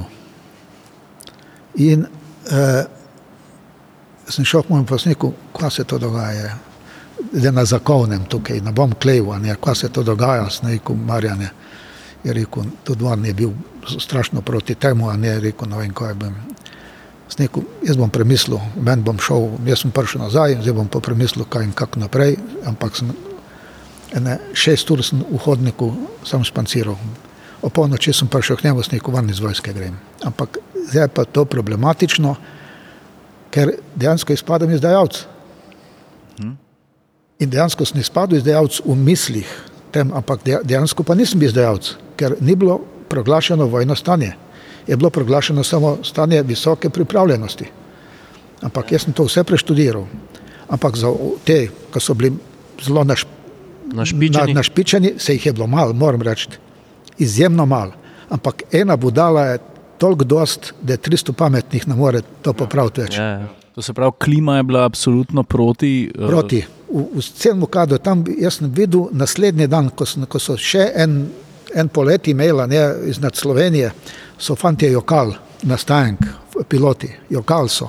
Res? Pa so šli in velikih je odvrglo sredstvo na pasiv. To je, ti si imel lahko izbiro, da si bombe vrgel na aktivno, to se pravi, da eksplodirajo, ko gre dol, ali pa imaš Ali pa kot tovor. pa, ne. ali pa kot tovor, sam jih odvržiš. Recimo, A pa ste imeli mogoče za trenutek preblisk, tako kot ga je pač doživel tisti Hrvat, zdaj sem pozabil ime, ki je, ki je vzel miga, pa je pristal. On je sicer v Klagenfurtu, če se ne motim, pristal. Uh, Ja, to je tudi moj mlajši kolega, um, zdaj tako ne morem se spomniti njegove, njegovega primka. Um, uh, tako, ti, ki si na tem letališču, že takrat, ko so bile te mere visoke bojne pripravljenosti, so bili že padalci iz Niša tam in vojaška policija. Vse, vse so kontrolirali, kdo pride do, le, do letala, vse so vse imeli pod nadzorom. Jaz njemu tak preblisk, da sem rekel, najprej preblisk, ko sem se slotil letalstva, ko sem rekel, se to je največja bedarija, da zdaj letalstvo, ki nas narod plača, da bomo mi zdaj streljali na njih. To bi meni ni šlo v glavo, jaz, jaz bi zgrožen in pretresen. Se zato so fanti jokali. ne? Jokal so in še kak. In, in, in eh, mi smo imeli eno, en sestanek in še en general je prišel in rekel, kva se zdaj to dela, a smo mi za to namenjeni, ne to dela policija, kva nas briga to. In po pa generalu, pejte v pulo, pa gledajte, kakšno gledišče ima narod. Narod je pa imel, da, da, da se, če ne gremo skupaj, ne gremo na razen, ampak v miru. Ne. Imeli smo tudi enega, enega prijatelja, ki je rekel: Poslušajte, mi lahko naredimo konfederacijo, pa take stvari ne. So prišli ti visoki šefi, mi lahko naredimo konfederacijo, pa se bomo zmenili, vsaka republika je samostojna za vse. In, in bomo in mogoče edino vojsko zadržali za začetek, mogoče policijo, policijo, ampak segmentalno po republikah mm. in se počasi razšli in tako naprej. Pametni, ampak sam ne to. In zdaj jaz na polnoči šel s neko grem manj, mene so potem priprli deset dni in eh, verjetno še on ni vedel, mogoče bo šel, sem me poklical, sem li še šef je gašel, zašto ste odločili, s neko poslušajte, vojno stanje ni pripravljeno, mi ne smo namenjeni po zakonu o službi oroženim snagama, s neko del, eh, delujemo v takih primerih. In s neko tretje, s neko napadete mo- mojo republiko, jaz ne iz tiste republike šel, jaz sem državljan te republike, ne morem jaz sodelovati v tem, s neko kaj mislite. Pa zdaj moramo to eh, na lastno mater streljati. Sneku, vi pejte na lastno mater streljati v, ča, v, dol v Čajetino, v, v Kragvojevac, pa v Čačak, tam pejte streljati na vašo mater. Ne govoriti, da mi je šel na mojo mater streljati. In jaz sem zdaj čakal. A vas je vojaška policija um, Eh, prijela? Mene so, mene so um, ene take neugodne trenutke, jaz se tega eh, sploh ne rad govorim o tem. Razumem. Jaz se tudi bojim, eh, to so take do- doživetja, da se na prikrade kakšen lažni spomin v tem in se zelo nadziram, da čim menj izpostavljam. Po desetih letih zaradi konfliktov mene so peljali iz hangare, kot da bi mi navodno ustrelili. Ne. Jaz sem se predtem šel posloviti, sem do- dal časno besedo eh, poveljniku, da bom šel se posloviti od družine. In sem šel in sem zbral mojega sina, mojo prejšnjo, eh, njegovo mater, njegovo prejšnjo ženo in še eno rodbino strani žene in so vsi prišli, nas je bilo ne šest ali sedem. Sniko, jaz sem se odločil, da grem ven iz armade, a vi podpirate to, odnosno mene, ali podpirate še drugo gledišče. Vsi so me podprli in jaz sem polnoči šel k šefu, sem rekel, grem ven. In pa me on dal pripor, ne, sem bil deset dni tam, pa so me pa nagnali iz letališča in to boj za, sem dobil potem domov rešitev, da sem odpuščen iz armade brez pravice do penziona. In s tem, s tem težave ne kasneje, ampak tako je. 2001. prvega leta so mi telefonali, ti si izdajalec, ti si to, ti si ono. Deset let zatem. Deset, ne, takrat so mi to telefonali, ampak eni Eni bi rekel, znanci, ki sem jih poznal ne, iz Beograda. Mm. Telefonarili so moji ženi, telefonarili so mojem sinu in tako naprej. In deset let sem potem snešel v Beograd, da razrešim to stvar. Aha. Ker mene je to tako matralo, da sem bil čist avt. Ja, seveda, se vi ste celo kariero Ja, kot sem- pilot na redu. Ne? Padel v depresijo, v alkohol, v neverjetno, ne, nimate predstave. Sploh se teh deset let, od 1991 do 2001, se ne maram spominjati. Ne. Ampak in sem potem moj novi partner, sem rekel, jaz moram iti gor, Razčistiti. razčistiti. In takrat sem dobil garancije, eh, da lahko pridem varno in tako naprej. eh, In sem šel. In sem povabil približno 40 mojih kolegov, prišlo jih je okoli 33, do Zemunski, eh, ta Kej. eh, V, v, to je ena restauracija Venecija, ki smo mi piloti radi šli in smo tam, so to dobre i- ribje juhe, pa čorbe, pa tako naprej. In so se odzvali in sem se pozdravil z njimi vsemi, sem rekel, jaz sem prišel eno stvar, da razrešim moje izdajstvo. Pa s- sem bil pa odlično, ker sem bil poveljnik, izkazal, da sem odlično poznal zakon.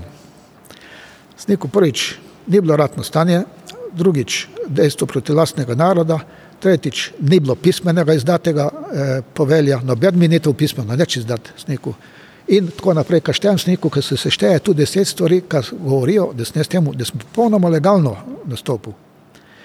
Rekel, potem sem dobil še grožnje od neke izmed vas, pa nekaj, ki jih ni tukaj, da, da, me bodo, da me bodo že likvidirali, pa mene, pa mojega sina, pa mojo ženo, pa moje sorodnike in tako naprej. Tam sem se pa bal, ne v Puli, ker je bilo veliko strostrelcev lahko. In mi je policija dala zaščito. E, in sem rekel, zdaj hočem razčistiti. A ima kdo kaj reči glede tega, kar sem zdaj rekel? Potem sta se dva moja kolega vzdignila in sta rekla, noben gašo od nas nima nič. Takrat so bila nora, nori časi, jaz rekel, takrat se je mrske izreklo, takrat se je mrske mislilo, takrat smo bili tako indoktrinirani in tako je. Jaz sem rekel, dobro, jaz, moje gledišče je tako. Mi smo bili sigurno v vojni, smo postali od prijateljev, smo postali sovražniki, ampak smo postali državni sovražniki. Rekel, zdaj ni več, zdaj je živ mir in zdaj lahko spet postanemo prijatelji, ker ni več vojne in ker ni več tistih norih časov. Potem sem rekel, zdaj, ker, ampak predtem, ko smo začeli govoriti, sem rekel, proglašavam ta teritorij neutralen.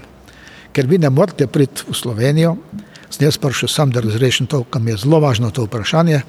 In sem ga razrešil, sem se, snikal sem se pozdravil, zdaj pa vsak naj plača svojo pijačo, kaj s njim denarja plačati vašo pijačo. Sam to je pa za vas pomenilo eno prelomnico, pa veliko. Ne? Veliko, ker sem se razrešil tistega psihološkega hudega bremena, ki me je moril deset let. Deset let me je morilo, da sem jaz izdajalec.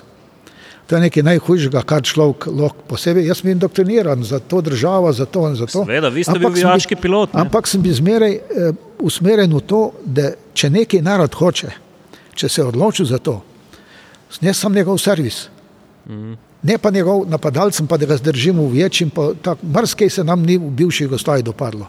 Kako pa so izgledali pol dejansko tisti dnevi?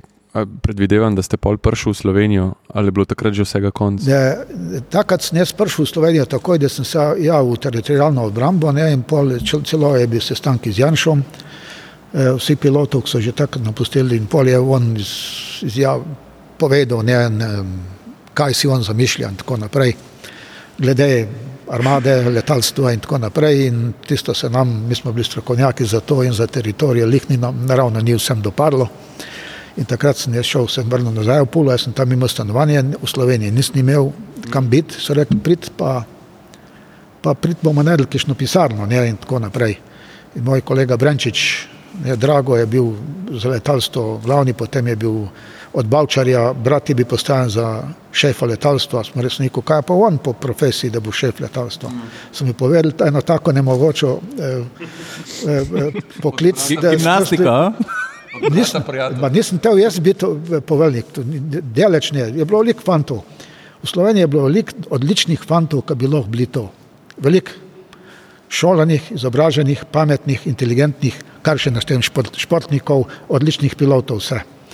Ampak se je šlo ene solucije eh, nepotizma.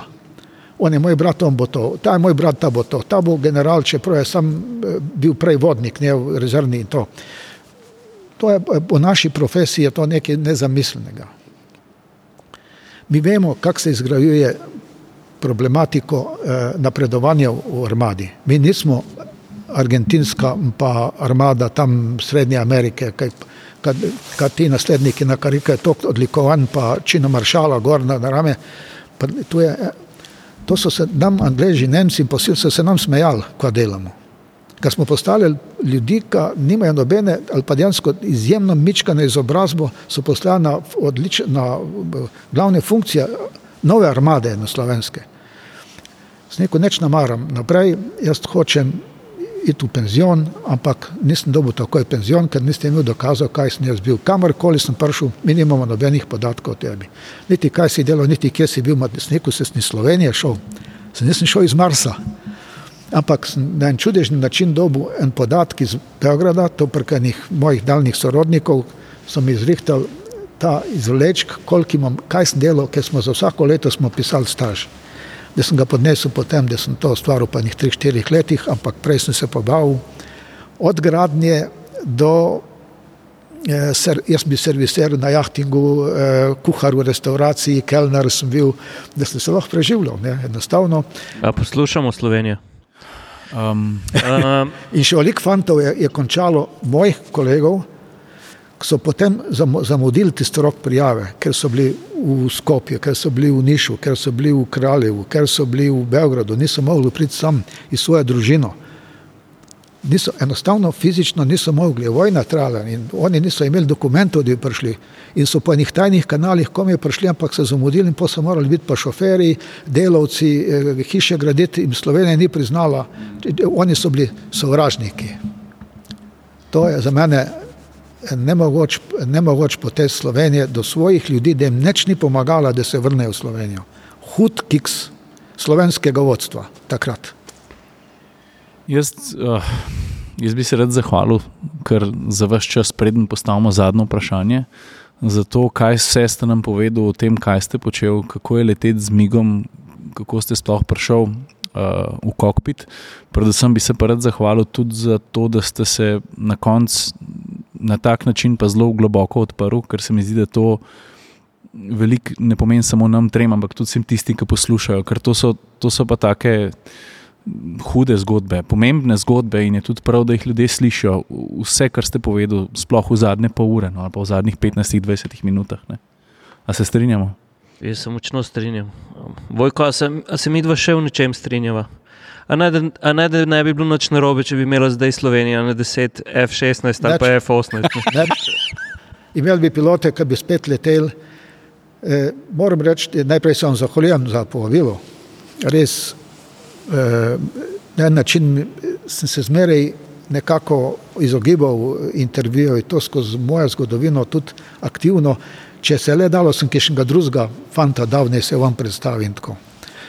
E, tudi malo slik imam, relativno malo slik iz mojega delovanja na ta način, mogoče mi je zdaj malo žal, ampak tako je. Pa se da, imate kakšno, da, da bi jo lahko nam poslal na mail, da, da prepnemo k temu Nekaj podkastu? slik seveda imam, ne, No, okay. Se pravi, eh, v zapiskih se bo najdla kakšna slika. bomo to ima že zrihtal, ne, to ni problem. Predvsem pa zdaj pa zadnje vprašanje, ki ga pa postavimo vsakmu, ki pride v naš podcast, se malo mal poklepetati. Kaj je bil pa za en avto, vaš prvi avto? Stojenka. Seveda. A zelena mediteranka. E, ne, ne bila Mediteran, je bila normalna stojenka, e, slonokoščene barve. Ampak če se je pa dal, pa raje z migom. Ja. Ja, tako je, a ne, e, izjemno rad še zdaj vozim. In sploh, da se gibljem, ne samo da vozim, ne, ampak da se gibljem, da grem v eno mesto, da grem v drugo. Najhujše mi je biti doma in sedeti doma, ali kaj ta za kar naprej, kaj ali delam, ali berem, ali to, ali uno, ali gledam televizijo, v glavnem ne politiko, pač pa te znanstvene oddaje, tam Google Earth, pa, ta, pa živali pa to. Pa, Ja. če, ste, če se pa najdete na, avio, v avionu, potniškem, seveda, a, a ste potnik ali ste še zmeraj pilot? Kako? Ne, ne, potnik sem. Zmeraj podcenjujem, eh, vzletanje je precej lahko. Eh, Pristanje je tista težka stvar v letalstvu in zmeraj pa ocenim, in to že moja žena ve, eh, zmeraj pa ocenim to, kako pristanejo. In eh, pa pa žena reče, no, sneg od zvonja. Am, ampak če je mokroga, mora malo zabiti. Ne, ne priznam to. Pilot, Pazite, jaz sem bil, inštruktor, jaz sem bil glavni inštruktor na Migu 21. In eh, on je imel veliko hitrost, veliko hitrost propadanja dol, ampak zahteval od pilotov, da sletijo kot eh, poližemo zemljo. Ja. Kakšen Mi smo, zaključek. mi smo Kakšen imenovali to liz. Liz. Ne, ne Jaz pa mislim, da lahko- eh, Pademo, prav spadajo si iz četrtega štuka in zdaj pet po ledvica tam pobere. Vojko, Vojko sem, sem brata vprosta mi, ampak tule moram še. Vojko, najlepši avion, kar ste jih kdaj videl, vojaški. Komu bi dal zmago najlepšega na nebu? Ja, meni je bil eh, lep in dober, je bil Saber A. Ne, resnično. In to vsi moji kolegi pravijo, Saber A je bil čudovit. No, ampak ta je bil pa modern, hiter, izje- izjemne dosežke, izjemno nekaj novega si videl in tako naprej. In mi bi lahko govorili še tri ure, pa še tri ure, pa bi spet kaj izvlekli novega. In tako najbolj, da zdaj se rečemo, hvala, fanti, ki ste me povabili. In liznemo Lepo se imejte. mikrofone. Liznemo Ne. mikrofon. E, tako. Hvala še enkrat. Uh, Hvala, Vojko, Vojko, vsa čast, hvala lepa. Vojko, Divja, imejte se. Gašo, hvala.